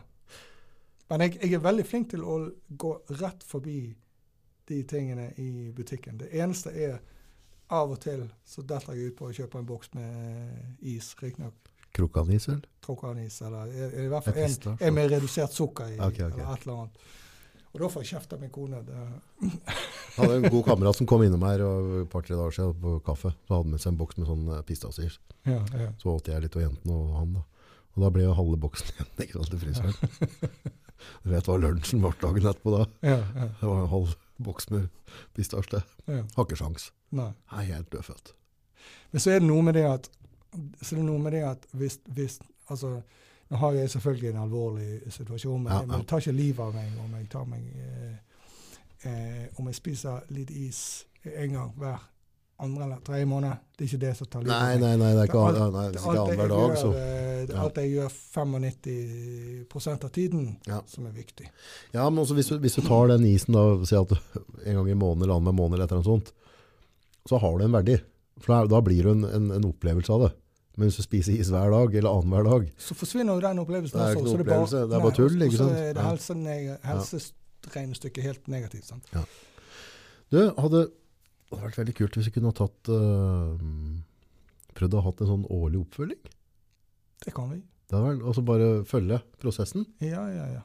For det, det blir jo veldig interessant å se hvordan du klarer å stagnere det, og hvordan du opplever det underveis. Ja, ja. Eh, nå har du åtte år på beltet, som du vet i hvert fall. ja. Ja.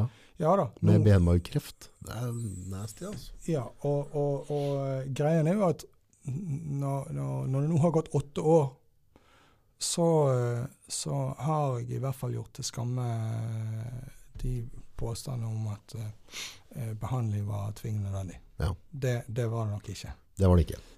Så, så vi Det er så utelukket. Ja, det er helt utelukket. Så skulle jeg daue nå i løpet av det neste halvåret, så føler jeg allikevel at jeg har bevist Ja, noe. ja. Eh, for, for det er slettest ikke sikkert at jeg hadde vart i åtte år eh, Nei. med behandling. Det er faktisk ganske usikkert. Og igjen, som du prater på, det, er viktig, folkens, altså. Om du har en slektning som har kreft, eller, eller om, du, om du skal få det sjøl. Så du snakker ut ifra din erfaring og en overlorda. altså det, er, det er veldig veldig mange forskjellige situasjoner. For det er så Det er så fort gjort, da, hvis du har kreft, at jeg kommer med en idé. Og jeg tror, og jeg tror, det, jeg tror det er veldig sånn naturlig, for jeg vil jo jeg vil deg godt. Og så, du vet, jeg har hørt om noe ny forskning, og så, og så, eh, Ja. og, så prakke på. Veldig mange som kommer med ideer til meg. Spis eddik, Ja, ja.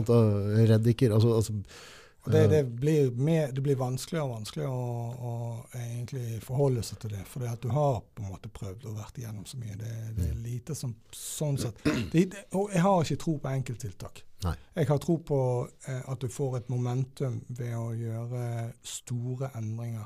Og det trenger ikke være et eller annet kommersielt produkt. Nei. Det, er ikke det som er Altså, det fins ingen eh, eureka-løsning her. Nei. Men løsningen ligger i å jobbe langs alle de åtte-ti forskjellige store dimensjonene som er. Og så gjøre det 90-95% av tiden. sant? mm, mm.